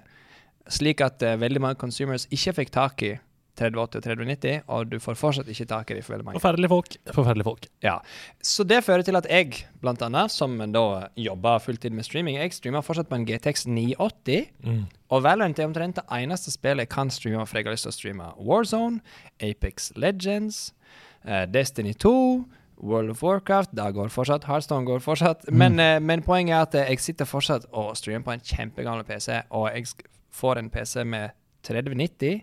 Og den nye AMD Ryzen 9 5950X og en 2 TB M2 SSD og 64 GB RAM med 4000 MHz. Altså, du gleder deg litt, du òg, da. Så sånn- Altså, jeg føler liksom at du, du gleder deg ikke så mye til PlayStation 5. Jeg, jeg, visste ikke om det engang. Har det kommet en femmer? Jeg, jeg var bare sånn Jeg lurer på hvilken farge jeg skal på vannkjølingen. Ja, så at, eh, jeg skjønner at du har helt andre ting å glede deg til. Ja, så, så, det eh, blir mye Valorant, da. Ja, det blir mye, mye Valorant, Valorant. akkurat nå. men Ja. Må bare legge til det at vi skal selvfølgelig få tak i en Xbox Series X også, for å teste alt den har å by på. Kan, kan, Eh, kan jeg røpe en ting til deg? Mm. Jeg fått tak i en. jeg, har- jeg fått tak i en. Da må du snakke om det i neste episode! Ja, jeg kan gjøre Men hva det. spiller du nå? Du, eh, nå har jeg, jeg har faktisk vært litt flink denne uken. her Ja, deilig. Eh, eh, bare eh, fordi at jeg en, i anledning, eh, i anledning å, å skaffe meg en Xbox, så tenkte jeg sånn Nå er, men jeg har lyst til å gå inn og se hva dette Battle, nei, Battle Passet sier. Gamepasset eh, handler om. For Åh. jeg har hørt så mye bra om det. sant? Og så eh, gikk jeg for det. Jeg kjøpte meg et GamePass, og så ble jeg egentlig veldig positivt overrasket. Det er mye. Jeg ble veldig positivt overrasket. For eh, jeg gikk inn der på PC-en først, og bare sånn Hva er det som er her inne? Og så er det så sinnssykt mange kule spill der som jeg ikke har spilt ennå. Mm. Eh, og som jeg helt inn har tenkt sånn Dette vil jeg spille, men så har jeg på en måte ikke vært eksponert for det gjennom yeah. liksom Steam eller eh, PlayStation Store og sånt. Og der dukker det opp eh, eh, jeg, jeg spilte et par timer med Minecraft Dungeons. Mm. Bare for sånn Ok, men det har jeg ikke testet, og jeg har bare sett jeg tester det. Eh, fikk lastet ned begge Ori-spillene, som er sånn, og de jeg gleder meg til å spille. Eh, Celeste har ikke spilt noe særlig, skal spille det. Gears of War 5 har jeg ikke testet ennå. Så jeg, jeg ble sånn wow, og, og nesten Altså, det er sinnssykt mye Triple A og mye Mm. gode uh, spill som er helt, helt gratis. Som jeg nesten ble sånn overrasket over. Uh, Og det som er så sinnssykt med GamePass, det er jo at fra nå og framover så vil alle releaser komme day one. Det, Oi, det, på er, Game Pass. det, det er helt sykt. Hvordan går det an? Nei, det, jeg skjønner ikke. Altså det, Nye Triple A-spill vil komme rett til GamePass. Ja. Det koster 119 kroner i måneden. Yes. Ja, altså, jeg, jeg er veldig glad i achievements, eksempel. 17 000 achievement points. Woo, woo. Ja, i, i, wow. Men um, jeg er veldig glad jeg, jeg, Men jeg, sånn, jeg syns at det, det er alltid, det alltid for meg vært en sånn added value til ting. Og, og det som har vært gøy for meg uh, Når jeg har spilt PC, så har jeg på en måte prøvd å liksom glemme det litt. For du har en origin launcher, du har eh, Steam, alt mulig. Sånn, sånn at de achievementsene du får, de, de forsvinner liksom. De akkumulerer Mm. ikke til noe. Uh, mens for eksempel, jeg har jo Jeg spilte jo uh, masse Xbox for ti år siden. Halo. Ja, så jeg har jo oh. jeg har jo sånn 35 000 eh, poeng, eh, som er ganske mye. Så du bare casher inn, du? Ja, ja, altså, men det er ganske mye poeng. Altså, nei, achievement-poeng, da. Ja, ja, ja. Mm. uh, og det å kunne på en måte uh, fortsette å bygge på det Mm. uh, på Xboxen, og ikke minst og det å fortsette å bygge på det på PC-en. Ja. Det var det jeg syntes var kult. Jeg kunne liksom gå inn og synes sånn Ja, dette spillet er mye gøyere. Mm. Dette FPS-spillet har lyst til å spille på PC-en, og så går det bare inn i den, den banken. ja. Eh, og det syns jeg er digg. Sånn, for nå på PlayStation så har vi trophy-system, og jeg liker å se de der bare sånn OK, bygge seg opp, jobbe seg oppover. Så, nå er det sånn, Ja. eh, så det var veldig, glad, eh, veldig bra. Så har de sånn eh, reward-system i GamePass som at de gir deg daily missions, da. Som er sånn Du, test ut uh, uh, Dirt 4. Så får du Mm. achievement-poeng. Ja, du, eller du får en sånn currency, sånn GamePass-currency. Ja. Så hvis du har på en måte Hvis du får d- 1000 sånne, da, så kan du for eksempel få en måned med GamePass. Ja, så deilig. Eller noe sånt. Sånn at Mm. uh, du kan, du kan eh, Det er på en måte et spill i achievement-systemet. Ja, og, Oi, oi, oi. og de utfordrer deg til å spille nye Scary. spill. Sant? Sånn som, ja, men det er, sånn, det er Ja. sånn eh, En av de kan være sånn Du, få deg en trophy i Untitled Goose Game. Som er et sånn insentiv til å teste det spillet òg. Mm. Sånn at noen ganger hvis du er litt sånn Jeg vet ikke hva jeg skal spille, så kan du sjekke på en måte eh, challengesene. Så sånn, du går inn og dreper 50 fiender i Pillage of Eternity. Ok, jeg får gå inn og gjøre det. Da. Så kanskje kan du på en måte bli lurt inn i spill du egentlig ikke hadde tenkt å spille av det. Så det ser jeg på som en positiv greie. Vil, slett. vil det si at du har nå har flere Triple A-spill enn Triple A-batteri i Ironman-hansken din? Uh, jeg har veldig mange batterier. Ja, ok. Jeg har fortsatt på Life Is Ja. Strange 2. jeg, jeg har ikke Du er ikke ferdig? Nei, jeg har ikke begynt engang. Men uh, jeg skal ta, jeg ramser det bare opp, jeg.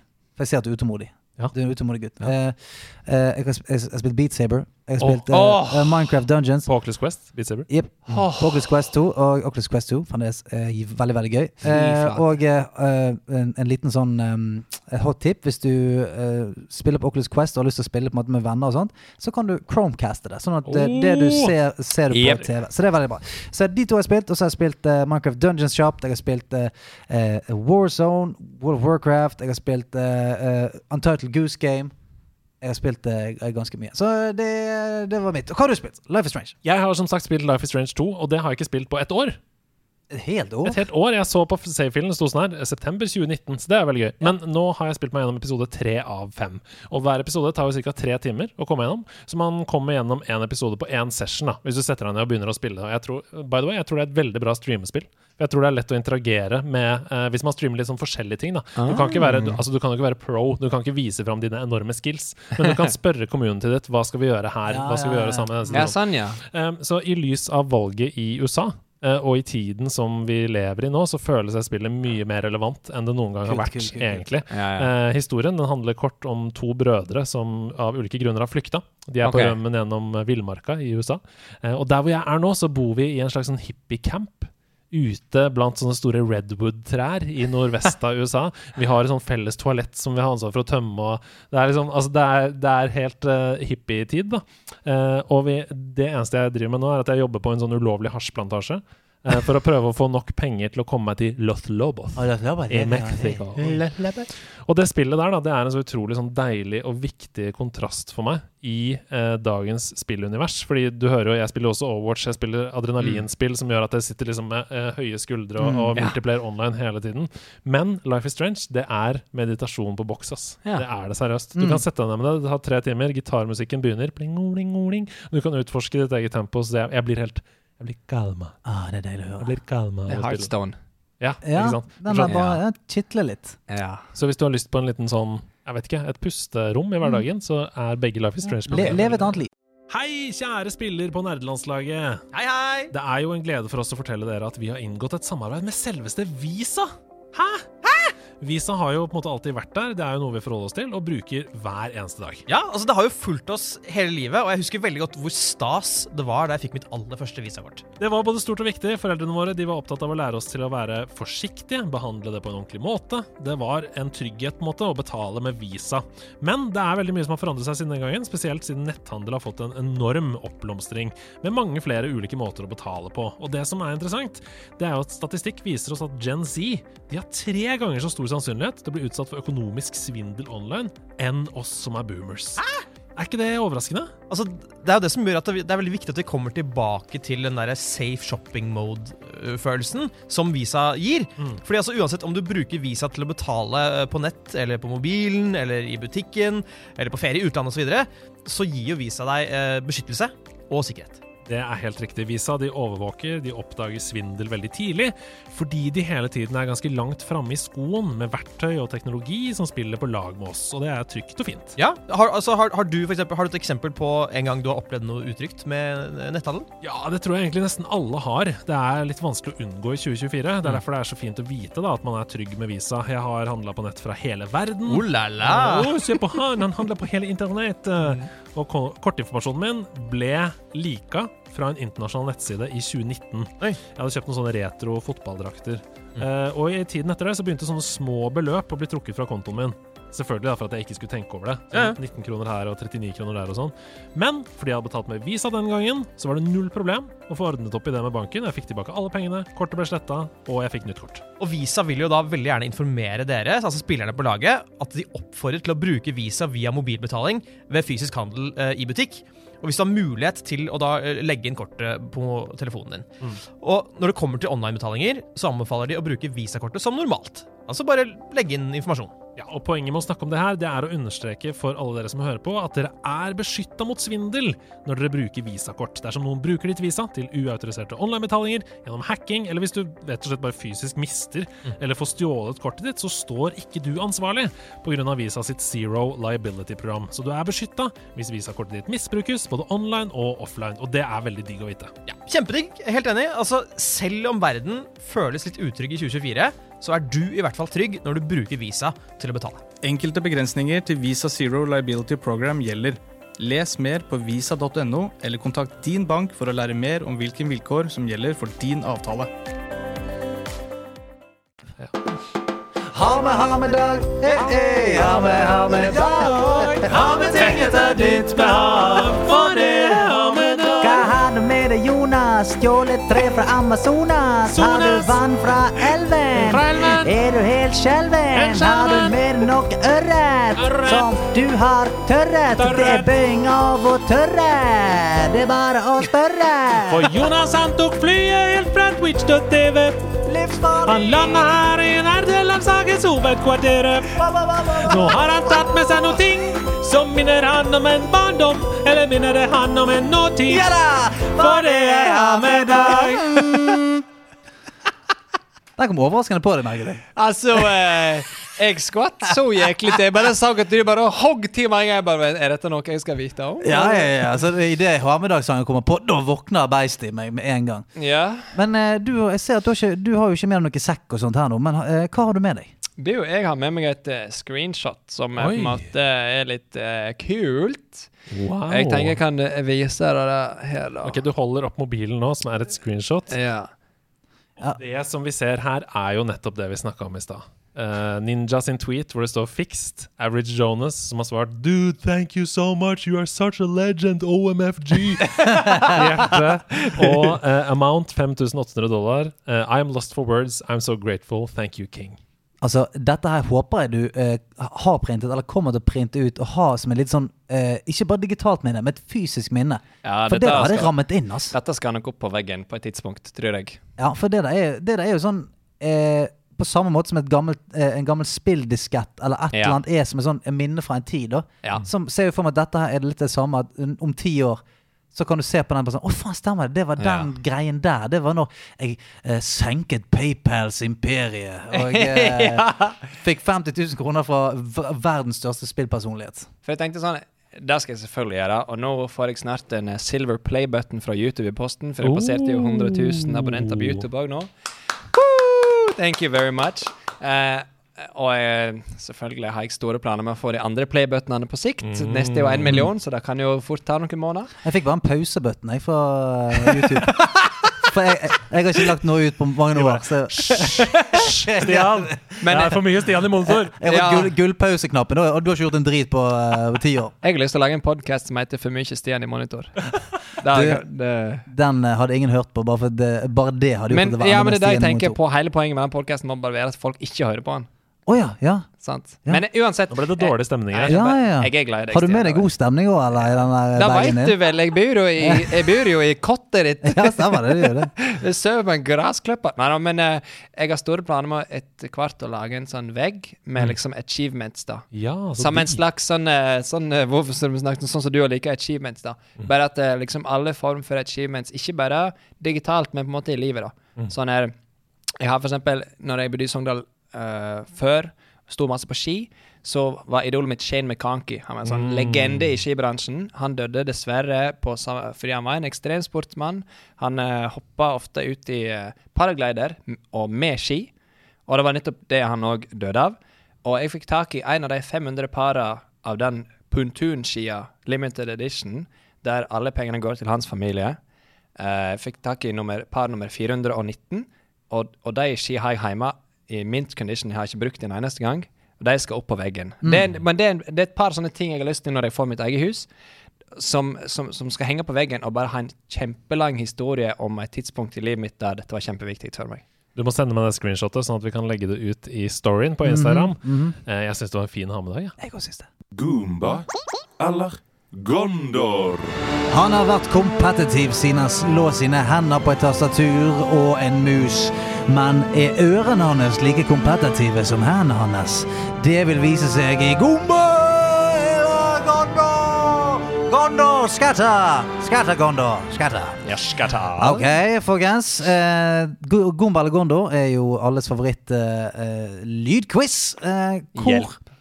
jeg spiller av noen klipp. Det kan være stemmer, musikk eller lyder fra spill. Og eh, når dere tror dere vet hvilket det er, så sier man navnet sitt. Og eh, Det er altså oss to mot hverandre. ja, Å, herre fred. Gal, er du gal? Og så eh, eh, har du da fem sekunder på å svare etter at du har tatt ordet. Hvis ikke du svarer eller svarer feil, så blir det den andres glede å kunne vente og kose seg. Jeg, Jeg elsker at du ikke nevnte noe om dette når jeg skulle være med. Det var mer sånn, Bli med på en hyggelig podkast og prate litt om gaming og sånt. Og så er det sånn Du, nå har vi snakka noe om gaming, nå er det quiz! Eh, ellers så hadde jo ingen takket ja. Eh, da skal vi sette i gang her. Eh, jeg har gått for en liten twist i dag. Eh, I og med at vi har med oss en uh, musiker, Oi. så har jeg eh, lagt en, en liten flair på disse eh, lydklippene her, skjønner du. Ok, Så eh, jeg skal ikke si så mye mer. La det være en liten overraskning. Okay. Men vi er i dag ute etter eh, spill. Eh, hvilket spill er det? Og vi hører musikk her nå. Så vi kan begynne med en gang. vi. Hvilket spill er dette? Husk å rope navnet ditt, da, hvis du husker.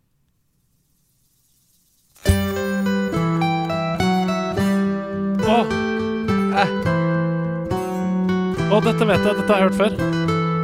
Andreas, Ja. Det er Pokémon. Ja! Ja!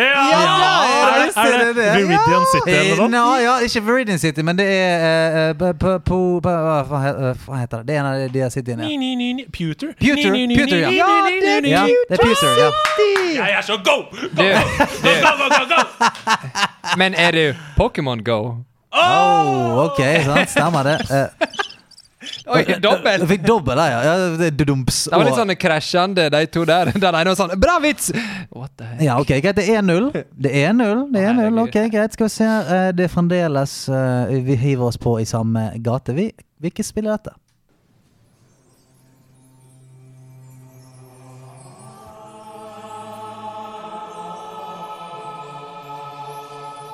Å, jeg vet det.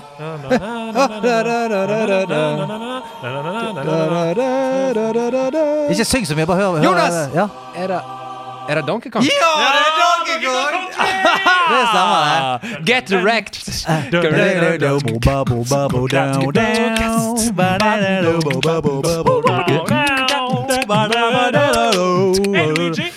Hey, Ja, Luigi. Ja, men han kommer innom, han, vet du. Ok, det er 1-1. Dette er tiebreakeren. Hva er det?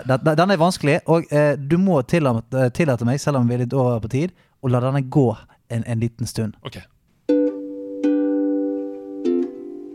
Oi.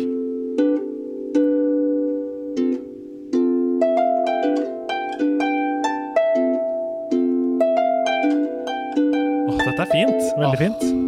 Jeg har ikke lyst til å si det, for da stopper musikken. Det er bare å ta ordet. Det er bare å ta ordet. Du, du, du, du. Hva er dette, da? Jeg har hørt dette òg. Det har du.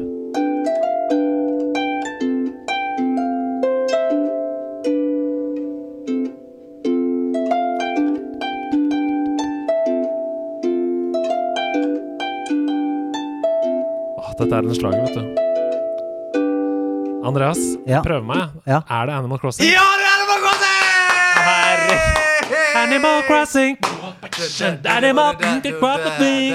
Ok, greit. Eh, eh, hva er fellesnevnet her, da? Det er mulig å få seg et eh, ekstrapoeng på fellesnevnet på de tre klippene vi har hørt. Her. Animal Crossing, Donkey Kong og Pokémon. Tenk mer isolert sett. Eh, det, I den konkurransen vi har nå, så har det vært noe Ok, Andreas. Ja, Alle er um, spillmusikk som er fremført av organisk instrumenter. ja det stemmer, det! Det stemmer, det! Fy flate. Det stemmer! Jeg hører du har vært på tilbake. Han er legenden. Han her har vært på podcast-quiz før, ja. Det Nærmer seg 80 ganger, faktisk.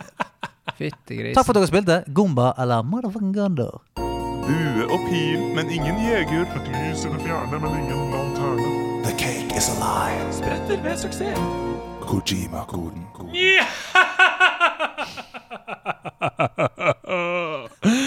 Velkommen til Kojima-koden Takk, game, takk Dracula. Må, å, å. gameshowet der jeg har lullet et spill inn i en slags rebus, og deres hjerner må jobbe sammen Ja, nå er vi på lag. for å, Endelig kan vi være på eh, lag, Ja, være Stian. på lag. for å løse de rebusene jeg har. Greier man å løse rebusen i første ledd, får man to poeng. Greier dere å løse rebusen i andre ledd, får dere ett poeng. Og her kommer altså den første rebusen. Vi skal fram til et spill. Ja. Mhm. En utilgjengelig verden der sporer fyller luften. Uh, ja. Prøv å jobbe sammen her nå. Ja. Prøv å tenke. En utilgjengelig verden hvor sporer fyller luften. Spores um... Det er jo Spores i Sangar Marsh i Burning Crusade, men jeg føler kanskje ikke vi er Den er der. veldig tilgjengelig, den verden. Ja, den er ganske Altfor tilgjengelig, vil ja. noen si. Ja, vil noen si. Uh, Spores er jo selvfølgelig Last of Us, men ja. Mm. Dere er inne på det der hvor dere sier at den er altfor tilgjengelig. Den, ja. det, altså At den verden er altfor tilgjengelig, det er, godt, det er en god måte å tenke på. Ja vel? En utilgjengelig verden hvor sporer Fyller luften. Ja. Men du sa liksom den verden der er altfor tilgjengelig. Det er, det er en god, god tanke, da. Ja. Fordi det er faktisk sånn Det er på den måten at denne verden er utilgjengelig. Aha. Det vi skal fram til. OK, den var litt sånn Eh, det er ikke den der der du eh, har sånne tusen planeter og du flyr rundt. eh, No Man's Sky? Ja, Nei. for der er jo planetene så tilgjengelige at det blir utilgjengelig, for det er så mange. Åh, det er veldig godt tenkt. Veldig Ja. godt tenkt. Det er ikke riktig. No Man's Sky men, Jækla bra, Jonas, har feil. Sporer Er det Er det, er det Vent litt, da. Nei, det, det, er ikke, det er ikke Spore. Nei, det er det ikke. Nei. Nei, nei. da hadde jeg blitt skuffa, Ja, ja, ja. faktisk. Ja, det var jo Spore, enkelt. Jeg fjerna um, S-en, jeg, og så var vi der. Um, jeg prøver å tenke på hvilken For det, I og med at det er sånn hvor sporer så, det, det sporer over hele denne verden. Det er ikke bare et sted på denne verden hvor det sporer. Hele driten er Ja, Nå må ikke du spore av her for mye. altså. oh. Altså, dette er dad joke Ja, det, det, må- ja. um, det er sporer på et veldig um, eh, avgjørende sted i spillet. Oh, faen, Jeg tror, jeg, Det er ikke sikkert at noen av dere har spilt det. Nettopp fordi det er ut, en utilgjengelig verden. Ok, gi oss, uh, gi oss nummer to. Gi okay. oss eh, linje nummer to. En utilgjengelig verden der sporer fyller luften. Men hva med nummer tre? Er det dette som var slutten? Uh, det er ikke Er det Darksiders, liksom? Darksiders 3? Nei, nå prøver jeg å tenke på spill som har vært så dårlig uh, Altså, Darksiders 1, 1 var veldig bra. Uh, ok, så det, det handler, Jeg tror det handler om det. Spill som ikke fikk det helt til på 1 og 2, mens på 3-eren så kanskje det kunne, kanskje kunne det være det. Og Ikke, ikke jeg, jeg, jeg prøver å jobbe med de ja. Grå, men jeg, Nå skal jeg lese det en gang til, så Ja. kan bare tenke mens jeg sier. Eh, Dropp det første nå. Ikke tenk på det første. første. okay. Men hva med nummer tre? Var det dette som var slutten? Er det sånn, eller, er det en sånn, er det sånn hint til at det fins mer enn tre? eller, sånn, eller, eller at det er noe sånn mer bokstavelig sånn This is the end. End of et eller annet. Eller at- Alle venta på nummer tre, Men men i stedet fikk vi Ah, nummer fire? Vet da faen, jeg. Hæ? hei. Vi venter på nummer tre, men istedenfor Å, du ser på Vent, meg vent litt. Vent litt. Mm. Å, det koker i hjernen. Sitter- Folk sitter og skriker hjemme nå. Ja. Sitter- Jeg, Ja. jeg, jeg, vet ikke, jeg vet ikke om det, men jeg husker i hvert fall at det liksom I hvert fall med Destiny jeg, t- Det er kanskje ikke Destiny, men det kan være For der var det sånn at de snakket så masse om at eh, de skulle det, var- det var så masse feil med Destiny 2. Derfor så skulle de fikse det med Destiny 3, helt til de innså at eh, hvorfor skal vi lage et nytt spill når vi kan heller fikse det gamle? Derfor så blir det aldri noe Destiny 3. Det er ikke Destiny jeg er ute etter, Åh, men jeg er ute etter noe annet som ikke ble nummer tre, men noe annet. Ok, dere. han ser på deg, Nei, Stian. faen. Det altså, blir null poeng i Kojima-koden. Se på oppgave én. Vi skal til Half-Life Alex. Å ja. Ah, ja. En utilgjengelig oh, verden ja. fordi du må ha VR-headset for å kunne spille det. Ah. Eh, Spore fyller luften. Eh, men hva med Half-Life 3? Var det dette som var slutten? Ja, Half-Life Alex i stedet. Okay, okay, okay. ok. Ja, men Ok. Den, var god. Den er god. Den var den var god. Her kommer god, neste oppgave. Faen, irriterte meg. En halvtimes nervedrama. En ensom jakt på lut. Faen! En halvtimes nervedrama og, og drama og en ensom jakt på lut? Ensom jakt på lut høres jo singleplayer ut av. Det er det første jeg tenker. Nei, Men hvilke spill er det du på en måte har et 30 minutters run på, på en måte? Eh, det, er- kan- no, no, kanskje noe rogelike-ish Du greier? har jo eh, Altså, du har jo Mythic Plus, da, men det er jo ikke ensomt. Nei, ikke i det hele tatt. Nei. Men eh, nå har jeg ikke spilt dette Hades ennå. Ja, Men- Hades kan jo det. Jeg har ikke spilt det, jeg men det er jo singleplayer loot hunt. Eh, Ja, det er i hvert fall sånn en slags sånn Du skal i hvert fall dungeon crawl litt, og det er en slags rogelike. Dere henger dere nok litt for opp i ensom nå. Eh, altså, eh, Kontra andre spill i denne sjangeren, så er dette det mest ensomme. Det er derfor jeg fokuserte på det. Okay. Ok. Og en halvtimes nervedrama? Satan. Det, du, har, du har laget noen sånne feller i dag. Vi ser det på det trynet. Jeg vet, når, jeg, vet, jeg vet når du har laget feller. Da det dugger på brillene. Du koser deg så mye. Ja, men denne blir ikke enkel. Nei, altså, da skal du slite. Men Det kan hende dere heller ikke har spilt dette, altså. men det fikk veldig hype da det kom. Skal dere ha, skal dere ha punkt Ja, faen. Ja. Ja. En halvtimes nervedrama, en ensom jakt på lut. Er du spiller eller AI? For å rømme må du shoot. Det er ganske Jeg Eh, liker rebusen, da. er du uh, Men en halvtimes nervedrama, det er den som tar meg. Jeg fikk plutselig sånn der eh, Er du spiller eller AI? Helsikes irriterende. Ok, Jeg kan skrive om den siste. Ja. Er du spiller eller scav for å rømme? Må du ja, ja uh, Escape from Tarkov. Ja! ja, det er. Escape Ah. from Tarkov! Escape from Tarkov. Det er jo da en um, en, ja, jo. en battle royale, på en måte, Ja. men hver runde varer en halvtime. Og Ja. Poenget er jo å komme seg ut i live. Ah. Uh, og det er jo også sånn at når man ser folk i horisonten, så lurer man på Er det der en AI, Ja, eller er det en annen person. Ja, sånn, ja. ja, ja, ja. Um, Faen, altså, du var god. Du var god i dag. Den var var bra, altså. Jeg har ikke spilt deg, men jeg, for jeg har jo ikke PC til å Ja, men jeg har ikke spilt det heller, for jeg har bare Ja, Kojima-koden lurte dere begge trill rundt i dag, men som oftest så klarer dere det jo med sjarmen i behold, så vi prøver igjen neste uke!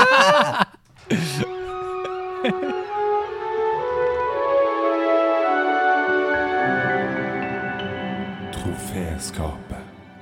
Troféskapet, Jonas, det er jo vår lille spalte hvor vi gjør eh, litt sånn som eh, du akter å gjøre med, med både ski og medaljer og det ene. Vi tar et, et gammelt minne, prøver å inkapsulere det med ord, og så henger vi det på veggen eller inn i troféskapet vårt her. Og Andreas han har noe på hjertet i dag. Hva, hva skal vi høre om? Nei, vi har jo tidligere vi har snakket om lemmings, vi har snakket om konkrete spill, vi har snakket om følelser. Og i dag så skal vi til en uh, ting som jeg tror at alle i dette rommet her var veldig glad i før, men som vi har slutta med. Så nå vil jeg at dere bare skal lene dere tilbake, og så bare tenke liksom i hvert fall 20 år tilbake i tid, og prøve å sette dere inn i den situasjonen. Og er bildene jeg maler her. Innimellom så blir det bare litt mye. Det blir mye jobb, det blir høye krav, jeg skal bruke tid med familie og venner, jeg skal levere til alle de ulike samarbeidspartnerne på jobb, jeg skal være en god mann for kona mi, og jeg skal ikke miste vettet fullstendig, nå som vi er nødt til å sitte inne store deler av døgnet. Og tidligere denne uka her så slo det meg at det innimellom var sånn da jeg var barn også, med andre typer problemstillinger jeg sto overfor. Det kunne være at det var en vanskelig situasjon å håndtere sosialt, eller det kunne bare være at jeg kjeda meg, eller at foreldrene mine var sinte på meg. Forskjellen på voksne Andreas og barne-Andreas, det er måten å håndtere disse situasjonene på. For før så gjorde jeg noe, enten alene eller sammen med venner, som jeg har helt slutta å gjøre i voksen alder. Jeg visste ikke hva det het da jeg var barn, men jeg vet hva det heter nå. Jeg livet. Å live det er å spille et rollespill der alle spiller ulike karakterer satt i et univers som ikke er vårt eget. Og hvis du tenker deg litt om, så gjorde du det kanskje selv, både titt og ofte du også. For jeg, jeg var Robin Hood i skogen, som skjøt med pil og bue og jakta på imaginære monstre som jeg var nødt til å være raskere enn. Jeg forestilte meg at jeg ble jaga gjennom skogen som lå bak urtestien der vi bodde, og at jeg bare hadde ti sekunder på å greie å klatre opp i et tre, hvis ikke så kom monsteret til å ta meg. Martin Hugo og jeg vi bytta på å være George of the Jungle på hytta hans på Brønnøya, der vi svingte oss rundt i fantasilianer og lata som vi krasja inn i trær og falt ned på bakken. Per Øyvind og jeg vi var pirater, vi hadde et stort skip på lekeplassen som vi klatra i og måtte sable ned farer som kom snikende opp langs ripa på skipet. Vi hadde kikkerter for å speide mot horisonten, og vi ropte ting som 'Kaptein! Kaptein! Land i det fjerne!' Alle disse tingene de fikk oss til å glemme hverdagen. Det fikk tiden til å stå stille, og det satte ting litt i perspektiv. Enten jeg satt alene i vinduskarmen på Ekeberg og forestilte meg at jeg fløy rundt over Oslo og reddet katter fra trær eller mennesker som holdt på å bli påkjørt, eller at jeg lekte romskip med Hans Magnus, så ble jeg ting som egentlig virket veldig viktig, mye mindre viktig hver gang jeg kom tilbake til den vanlige verden. Jeg oppfordrer dere alle sammen derfor til å drømme dere bort en gang iblant. Det er den beste medisinen. Og på en måte så kan man si at nerdelandslaget har fylt denne plassen i hjertet mitt. For hver tirsdag så liver Stian, jeg og en gjest i to timer. Vi skrur av mobilene, vi innser at ting ikke er så store og viktige som vi tror. Og nå, dere, nå kommer Xbox Series X og PlayStation 5 for å hjelpe oss med å fortsette fantasiflukten i hundrevis av timer fremover. Kaptein!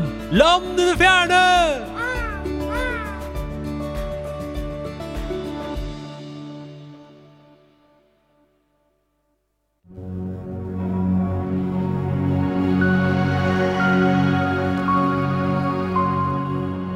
Det store spørsmålet fra opp-ned-kors. Skarp høger! Slak venstre! Støvet blåser gjennom granbaren i de dype skogene. Grusen spruter opp mellom de blankpolerte skjermene. Gummien svir seg godt ned de provisoriske veiene mens turtallet stiger til topps. Hold høyre! Rett fram 300! Mållinjen er endelig i sikte. Hvilken spillkarakter ville du hatt med deg som kartleser i et rallyløp? Ah. Vi har altså en Ja. bruker på Discord-serveren til nederlandslaget som heter Opp Nedkors, som hver uke sender oss store og viktige spørsmål. Ja, de, eh, noen av de største. Så Ja. altså, hvilken spillkarakter ville du hatt som kartleser? Som kartleser. Hvis du skulle kjørt rally gjennom de finske, norske skoger? Finsk-norske skoger. Ja, det er finske norske skoger, ja, fi- finske norske.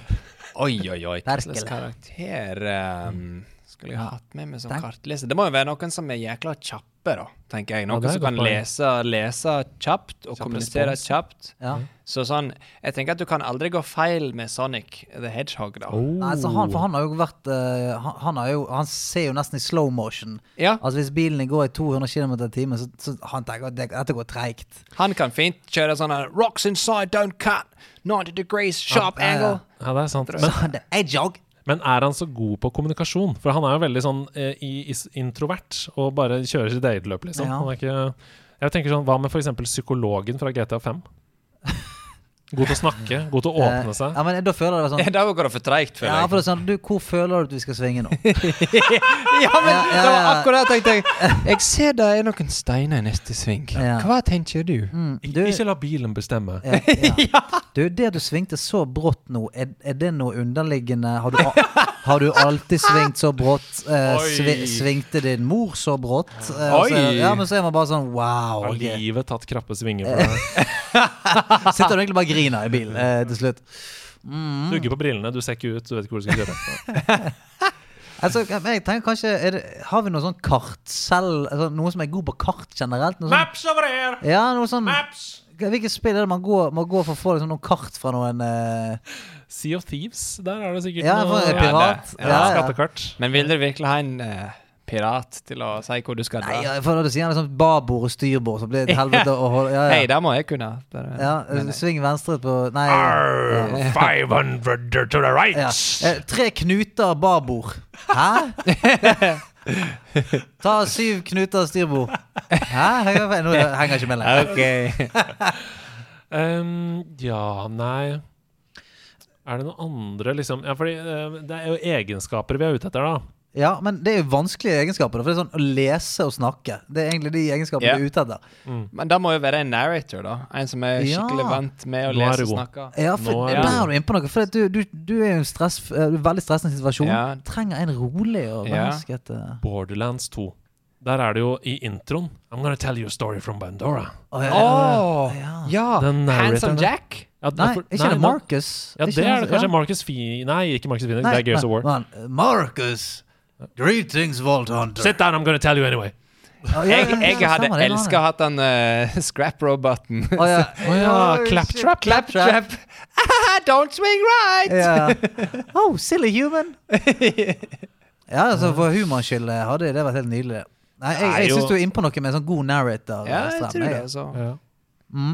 Jeg tenker, altså, eh, Hvis du hopper til Mario Kart Double Dash, der sitter man jo to stykker hvor den ene basically er kartleser. Mm. Så Skal man bare gå for en rolig Todd, eller? En Todd? Rolig Toad, bare. En rolig Toad, ja. Eller Eller bare en- Rudolf Blodstrup-Moen. En som er god på Fra kommunikasjon. Flåklypa-spillet, ja. Ja. ja, ja, ja, sant, det. Blodstrup-Moen. Ja. Nei, jeg går for en rallysjåfør, jeg, da, fra Gran Turismo 5. Jeg går for Petter Solberg fra Ja, ok. Petter ja, Fra VSS. OK, OK, jeg skjønner. OK, greit. Jeg går for han kartleseren i det rallyspillet som jeg har spilt. Ja, men da har vi det, da. Det var ikke så vanskelig, det. Nei da. Hva- Hvem var det du gikk for? Eh, jeg- hva- Sonic the Hedgehog? Ja, jeg vet ikke, jeg kjører Sonic bare fordi at jeg føler at han kan lese liksom alt som skjer, sånn superkjapt. For han er så Det blir liksom han og så den der fuglen som sier sånn mip, mip, mjau. Og eh, Stankelbein? Ja. Ja. Jeg ombestemmer meg. Jeg går for Max eh, Payne, for han kan bare gå ned til bullet time i alle sving. Ah, OK, du. Da tenker jeg Neo i Matrix. Ja. Fra det veldig gode Matrix-spillet? Matrix the Game. Du, vi glemte en dad joke i denne kategorien. Hva da? Uh, jeg vil bare si det at grunnen til at Sten Stian har et veldig flott liv, er fordi han har løst kona mi-koden. Hva står det på korktavlen? Uh, ja, vi har jo en uh, korttavle her med, med det ene og det andre. Mm. Og du vet hva jeg pleier å spørre om? Ja, men det er ikke, altså. Jeg beklager på det groveste. Hæ? Folk eh, får ikke ut uh, lydfingeren. Nei, det må vi Ikke- eh, opp og nikke på. Ja, Så eh, vi forventer minst tre til fem lydspor innen neste episode. Oi, wow! Vi forventer faktisk ikke, vi, er ikke, vi er ikke på vi ønsker eller vi ønsker oss det. Vi forventer det. Og hvis ikke dere presterer, så må jeg sende inn selv. Hei, det er Martin fra Du, det er veldig, veldig fra Volle. Husker du den der Joker Nord? Krøvel veldig Fy faen, det hadde vært gøy hvis du hadde sendt inn alle spørsmålene. Men i denne uka så er det en sånn det, det, er veldig koselig, fordi dette sier litt om hva som bor i nederlandslaget. Ja. For det har kommet to ganske like forespørsler som jeg skal bare lese back to back. Ja. Hei, først vil jeg si flott podcast dere lager. Absolutt en av mine favoritter. Veldig hyggelig. Takk. Som mange andre har jeg fulgt med på de nye konsollene som kommer nå, og i den forbindelse så har jeg sett flere ganger på bl.a. Reddit at folk blir oppfordret til å donere sine gamle konsoller til sykehus eller barneavdelinger. Kunne dette vært noe dere kunne tipset lytterne om? Ja. Det er sikkert flere der ute som er som meg, som bare lar den gamle støve bort så fort den nye er på plass. Kanskje dette kan gjøre, være med og gjøre oppholdet på sykehuset til noe litt mer positivt. Hilsen Kuivin. Så jeg regner med at det er Øyvind med ku, da. Wow. Køyvin. Det er et veldig, veldig godt. Så det er det første. Doner bort til sykehus. Og her kommer den andre. Hei sann, jeg digger podkasten deres, hører på den nå. Samtidig som dette så sitter jeg og leser på julehjelpen på finn.no, og er utrolig lei meg over hvor mange som søker hjelp om gaver til barna sine. Som gamere så har vi som regel en rekke spill og konsoller som vi ikke nødvendigvis bruker. Selv prøver jeg å skaffe ødelagte konsoller for å prøve å fikse dem og gi dem videre som gaver, noe også andre som har litt mer peiling på å fikse kontroller enn det jeg har, kan gjøre. Hvis vi gir bort til noen som trenger det, så vil vi skape flere gode spillopplevelser og hjelpe noen av de som trenger det i julen. Hilsen Natalie. Ja, du amen. Så utrolig flott. Ja. Jeg er helt enig. To på samme uke, liksom. Ja. Jeg er helt enig. Fantastisk. Ja, så Og- gå inn da på julehjelpen på finn.no og prøv å gi bort uh, et spill eller en spillkonsoll til noen som trenger det. Eller doner til et sykehus eller barneavdeling nær deg. Det er helt fantastisk. Helt fantastisk. Hei, nederlandslaget. Hei, hei. Eh, Kanskje denne har blitt sendt inn alt, men kan dere snakke litt om hvilken TV, eller hva man bør se etter i en ny TV for å få mest ut av PS5 og Xbox Series X, altså de nye konsollene? Hva slags TV må man ha da? Du, dette er jeg spent på. For jeg vet ikke hvordan det er, men sånn med PC så er det snakk om hertz. Ja. Sånn 120 hertz og alt sånt. Er det sånn med Oh, yes. Er er det, ja? Det er jo helt samme. Sånn, Du, eh, vi vet jo det at uh, PS5 uh, og Xboxen uh, går jo i maks 60 FPS. Mm. Eh, så på en måte Ah, ja. it, Du skal vel egentlig ikke trenge sånn all verdens mye hertz for at Nei. man skal kunne runne på 60 FPS, men du trenger 4K-dekning, selvfølgelig. Helst HD, eh, HDR. Mm. Når det er sagt, da, så er det jo sånn at Med mindre det er noe jeg ikke har fått med meg, at det er hardware-lokka, så er det jo sånn at de maskinene er jo kraftige nok til Ja. å runne fort mer enn 60 FPS. Men HDMI-kabler kan jo ikke ha mer enn 60 hertz, vel? No, nei, det er sant. Det er Mm. vel eh, DisplayPort display du må ha da, nettopp. Ja, stemmer. Ok, Men da må du i hvert fall ha 60 uh, hertz TV. Eh, Uh, mange TV-er er jo 50 også nå, så i hvert fall ha 60 hertz. Uh, og så må du ha 4K, og så må du ha HDR på Mm, TV-en. Det er mm. veldig viktig. Uh, og så ha minst mulig input-lag. Se etter det også. Fordi Ja.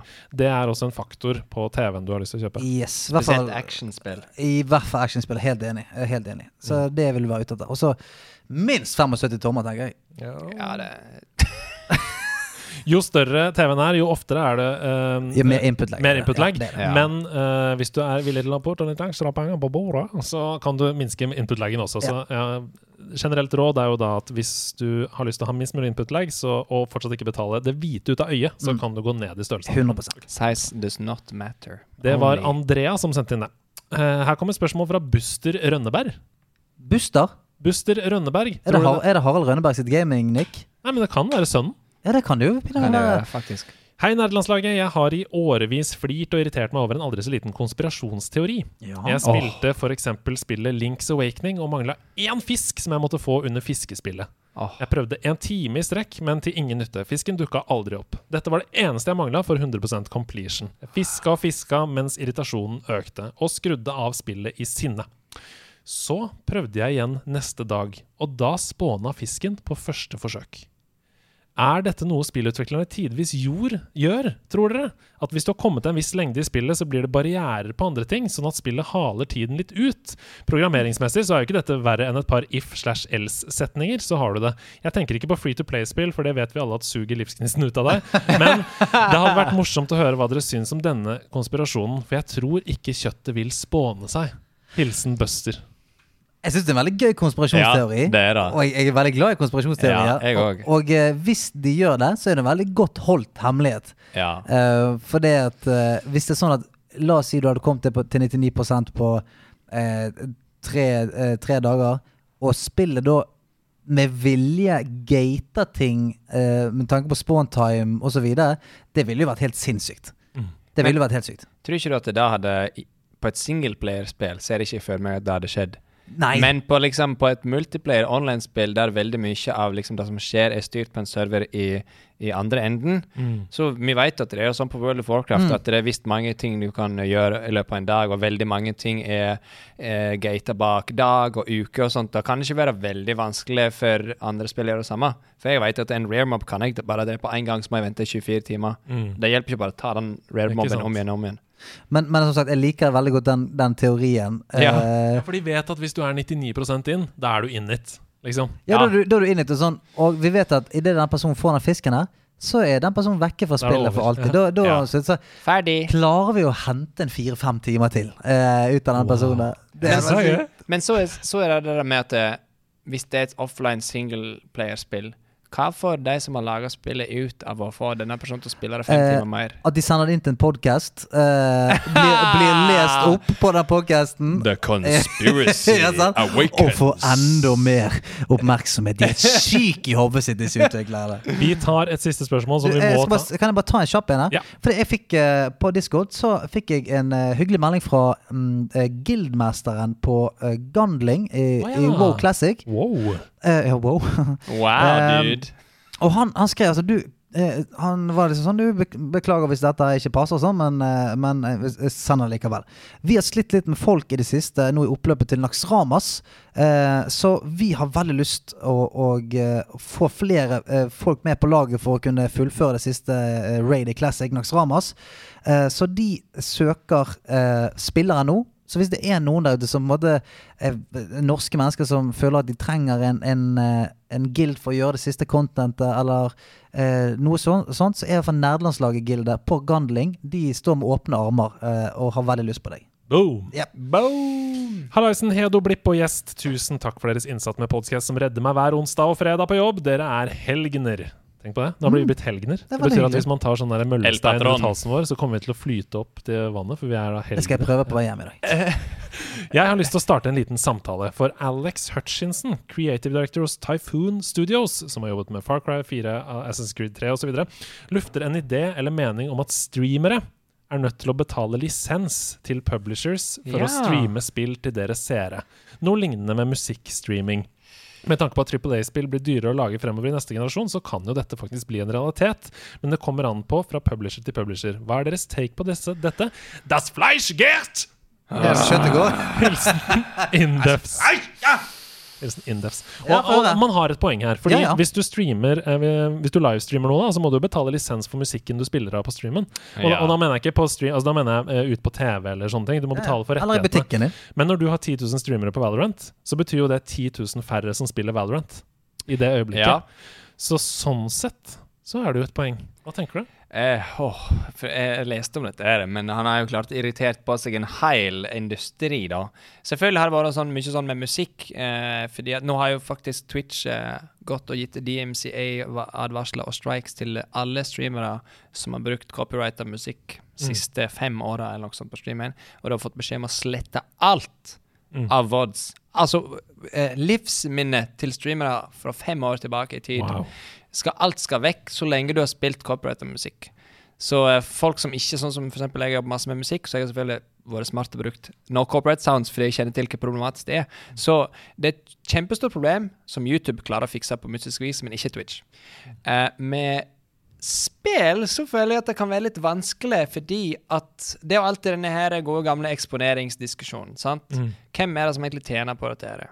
Så hvis jeg for eksempel hvis jeg eksempel streamer for ja, Jeg streamer for eh, 2,5 millioner mennesker i løpet av en måned, sant? Så er det 2,5 millioner mennesker som blir eksponert for Valorant. Og da er det litt opp til deg sjøl om du mener at det betyr at 2,5 millioner mindre mennesker spiller Valorant i løpet av måneden, eller veldig mange av dem blir introdusert til spillet og spiller som konsekvens av at de blir eksponert over noe som de syns er underholdende. Så det blir en sånn ja. Men klikker vi av dette nå fordi det er noe nytt som har kommet? Fordi det er jo sånn at Du kan jo ikke på en måte uh, sitte på Twitch-kanalen din og spille av Inception for 10 000 mennesker, og så er, det, eh, er det helt greit for de som har lagd Inception, at alle de 10 000 ser på filmen sammen med deg. Det er ikke Mm. lov. Nei. Da blir du skjøtta ned. Mm. Og det aksepterer vi og tenker sånn, ja, men det er en film, det er selvfølgelig. Så hvorfor? Jeg hørte Level Up blant annet sa, uh, og dette er så typisk, det er sånn old man yells at cloud, fordi man ikke takler forandring, ikke sant? Ja, ja, ja. Men jeg, jeg syns det er et poeng. Ja, men Det jeg også syns er et poeng, er at på en måte eh, Ok, La oss si man måtte betale lisens, da. Mm. La, oss, la, la oss si det. Eller i hvert fall, Hvis man måtte betale lisens eh, over et visst tak da, La oss si, eh, for Hvis du streamer for eh, ti viewers, Ja. så syns jeg på en måte du burde vært fritatt for Nå eh, er du inne på noe. Ja, sånn, sånn la, oss si, la oss si du nærmer deg 500, da. Som Mm. er sånn, det er like mange som, som sitter eh, på Ole Bull scene i Bergen. Mm. Og du har en forestilling, en forestilling som du tjener penger på, eh, til syvende og sist. Og produktet ditt er spillet, og selvfølgelig deg sjøl. Men du er formidleren av spillet. Eh, på samme måte som du på en måte hadde framført en sang som ikke var din egen, eh, og tjent eh, 20 000 kroner på det. Eh, så på den måten, så hvis du, hadde, hvis du hadde betalt en lisens som på en måte eh, Greit, det var en, en, enten en månedslisens eller alt mulig for, å på en måte streame spillet, og så hadde du tjent på en måte det ti- tigangen av det du hadde gjort, så hadde du på en måte Det er ikke helt høl i hodet heller. Nei. Jeg har et uh, forslag. Ja. Idet du blir partner på Twitch, så er du nødt til å begynne å betale for lisens for det du streamer. Fordi alle de som er under partner, de tjener ikke penger på streamen sin Jo. Ja, det er ikke mye, da. Affiliate har samme cut nå som eh, partners. Ja, men ok, Du tjener ikke de store pengene. Nei, nei, Altså, sånn nei, ikke- men, men altså, du har samme Det finnes affiliates som har 1000 subscribers, og så har bare ikke fått partner ennå. Ja. måte. For affiliates uh, kan få abonnenter. Ja, det vet jeg. det vet jeg Ja. men, men det er ikke sånn at du blir rik av å være affiliate-streamer, fordi du har sannsynligvis ikke det store publikummet. Det er det jeg Nei, mener. det er sant. Så hvis man, uh, hvis man sier det, da, at idet du blir partner, så må du også begynne å betale lisens.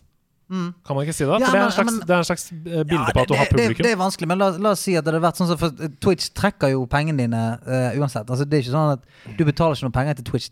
De, de bare tar uh, en cut før du får de pengene uansett. Mm. Sånn at jeg, jeg tror trikset måtte jo nesten vært at Twitch hadde en, Ja. automatisert løsning som gjorde at OK, du har vært over uh, 500 viewers og spill. på dette spillet. på dette spillet, og det er eh, en sånn sum, og den trekker vi bare fra fienden din hver Ja. måned. nå Det, for det, det, jeg er helt enig med Jeg deg. trodde for du det- jobba i Twitch. Ja. For at det problemet med nettopp dette med å være verified og sånt, da, det er jo òg sånn som det at eh, hvis du er en e-sportspiller, og du eh, spiller på et lag, så får du Twitch-partner, uavhengig av om du har 75 i snitt. Oh, ja. Sant. ok. Og da hadde det blitt et stort problem hvis for Ja, eksempel sånne folk sant, de som på en måte, Det samme som sant, sånn som du blir verified på Instagram fordi du er en kjendis, eller noe sånt. Så skal du plutselig begynne å betale eh, gebyr for noe som du egentlig ikke gjør for å tjene penger. Så det er vanskelig å bare sette den der Men denne her, du har streama 500 timer i måneden på dette spillet, derfor skal du betale så og så mye.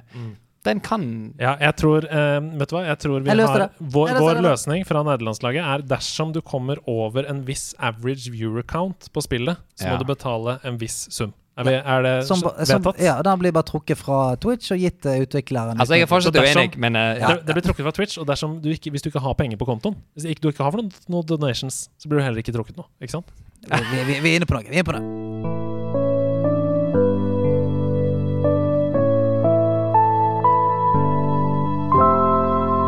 Patreon-perler. Ja, ja, ja, ja, ja, Vet du hva. Andreas? Jeg tenkte det er ikke veldig ofte vi har eh, en person på besøk som på en måte kan synge og spille og holde på. Å, fy faen. Så jeg, jeg tøffet meg, og så spurte jeg Jonas kunne du tenkt deg og, eh, og gjort dagens Patrion-perler. Du er nødt til å formidle mitt sjokkerte fjes. Ja. Eh, Andreas sitter med åpen munn, lukkede øyne eh, eh, og et lite smil eh, på det. Han triller vekk, i- triller vekk i, i stolen sin. Eh, for de som ikke vet det, Patrion-perler er, jo en liten hyllest og en omasj vi gjør til de som støtter oss med 50 dollar eller mer i, i måneden. Og i dag så, står, så er hyllesten fra Gullstrupen fra Sogn. Og eh, hvordan har du tenkt å løse dette, Jonas? Du, jeg tenkte jeg skulle ta min favorittkarakter, Don Giovanni. Han Mhm. synger kjærlighetsarien sin til ei dame som akkurat har gifta seg, for han mener at hun bør heller ligge med han. Så jeg tenker at vi bytter ut den teksten med noe som er litt mer uh, aktuelt for uh, 2020, og det er jo da å rett og slett gønne gjennom navnelista. Så vi får opera her? Ja, ja, rett og slett ai, ai. Buongiorno. Buongiorno, Pavarotti. Arthur Gullabjørn Thorsson, Eilif Helmen Fyrosaurus,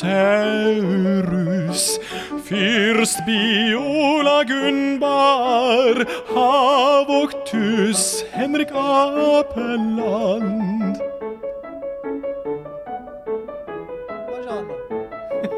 Pavarotti.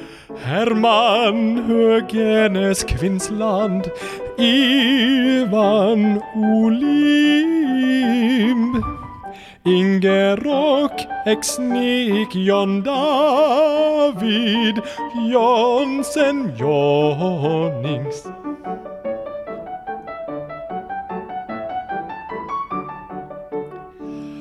Karoline Miss Marius Hauge, Marius Sei Martin Lone Nulland, Ola Theodor Klingen, Ole Martin Bukong, Setvere Dremban. Buongiorno. Buongiorno, Pavarotti. Buongiorno. Sigurd Gran, Simen Folkvord Skråpell, Snorre Martinsen, Thomassen, Tore Dalaker. Buongiorno. Buongiorno. Pavarotti. Buongiorno. Buongiorno. Spaghetti. Spaghetti bolognese. Bravo! Bravo! Bravo, bravissimo! Dette har vi lært. Vi har lært at uh, hvis DHL sier at pakkene kommer på fredag, så kommer den på onsdag, for å si det sånn. Hey! Vi har lært det at uh, eh, Jonassen han, han liker de kompetitive spillene, uansett hva han spiller. Og vi har lært eh, at opera det er ikke så hakkende galt når man eh, tar det på Patron-ballene heller, vet jeg. Eh, hva har du lært, Andreas? Jeg har lært at jeg må begynne å live mer. Ja. For det var noe jeg digga å gjøre før. Yes. Jeg har også lært at herlighet, man må bare gå for det hvis man har lyst til å få det til. Så da får man det til. Man må grinde. Ja, se Ja. på mannen til høyre. Ja. Han er en levende grindstone. Han er det. Han levende grindstone. Og eh, tusen takk for at eh, du gadd å være på besøk hos oss, Jonas. Bare. Det var en sann glede. Og eh, eh, nå har jo du sikkert nok seere, men jeg tenker at vi sier at hvis du har lyst å, eh, å se på Jonas i full vigør eh, med både gitar og hatt og det ene og det andre, så er det altså inne på twitch.tv slash averagejonas. yeah! Yes, sir. Uh, Er det noe du har lyst til å legge til til slutt? Eh, tusen takk for at jeg fikk, fikk eh, være med. Herregud, det er jo så kult å snakke om dataspill, og som dere sikkert har fått med, så kunne vi ha prata ganske mye lenger. Oh, ja, ja, ja. Og tusen takk, kjære nederlandslag, for at dere er dere. Vi kommer oss gjennom dette skitet her, som er pandemien. Jeg er 100% sikker på det. Og hvis du ikke har kommet inn på discoen vår ennå, gjør det. Discoen vår heter Nederlandslaget. Her er, der er det 7000 nerder som er klar for å gi deg en god klem når du kommer inn. Og tusen takk for oss. Ha det bra. Das Fleisch geht sein!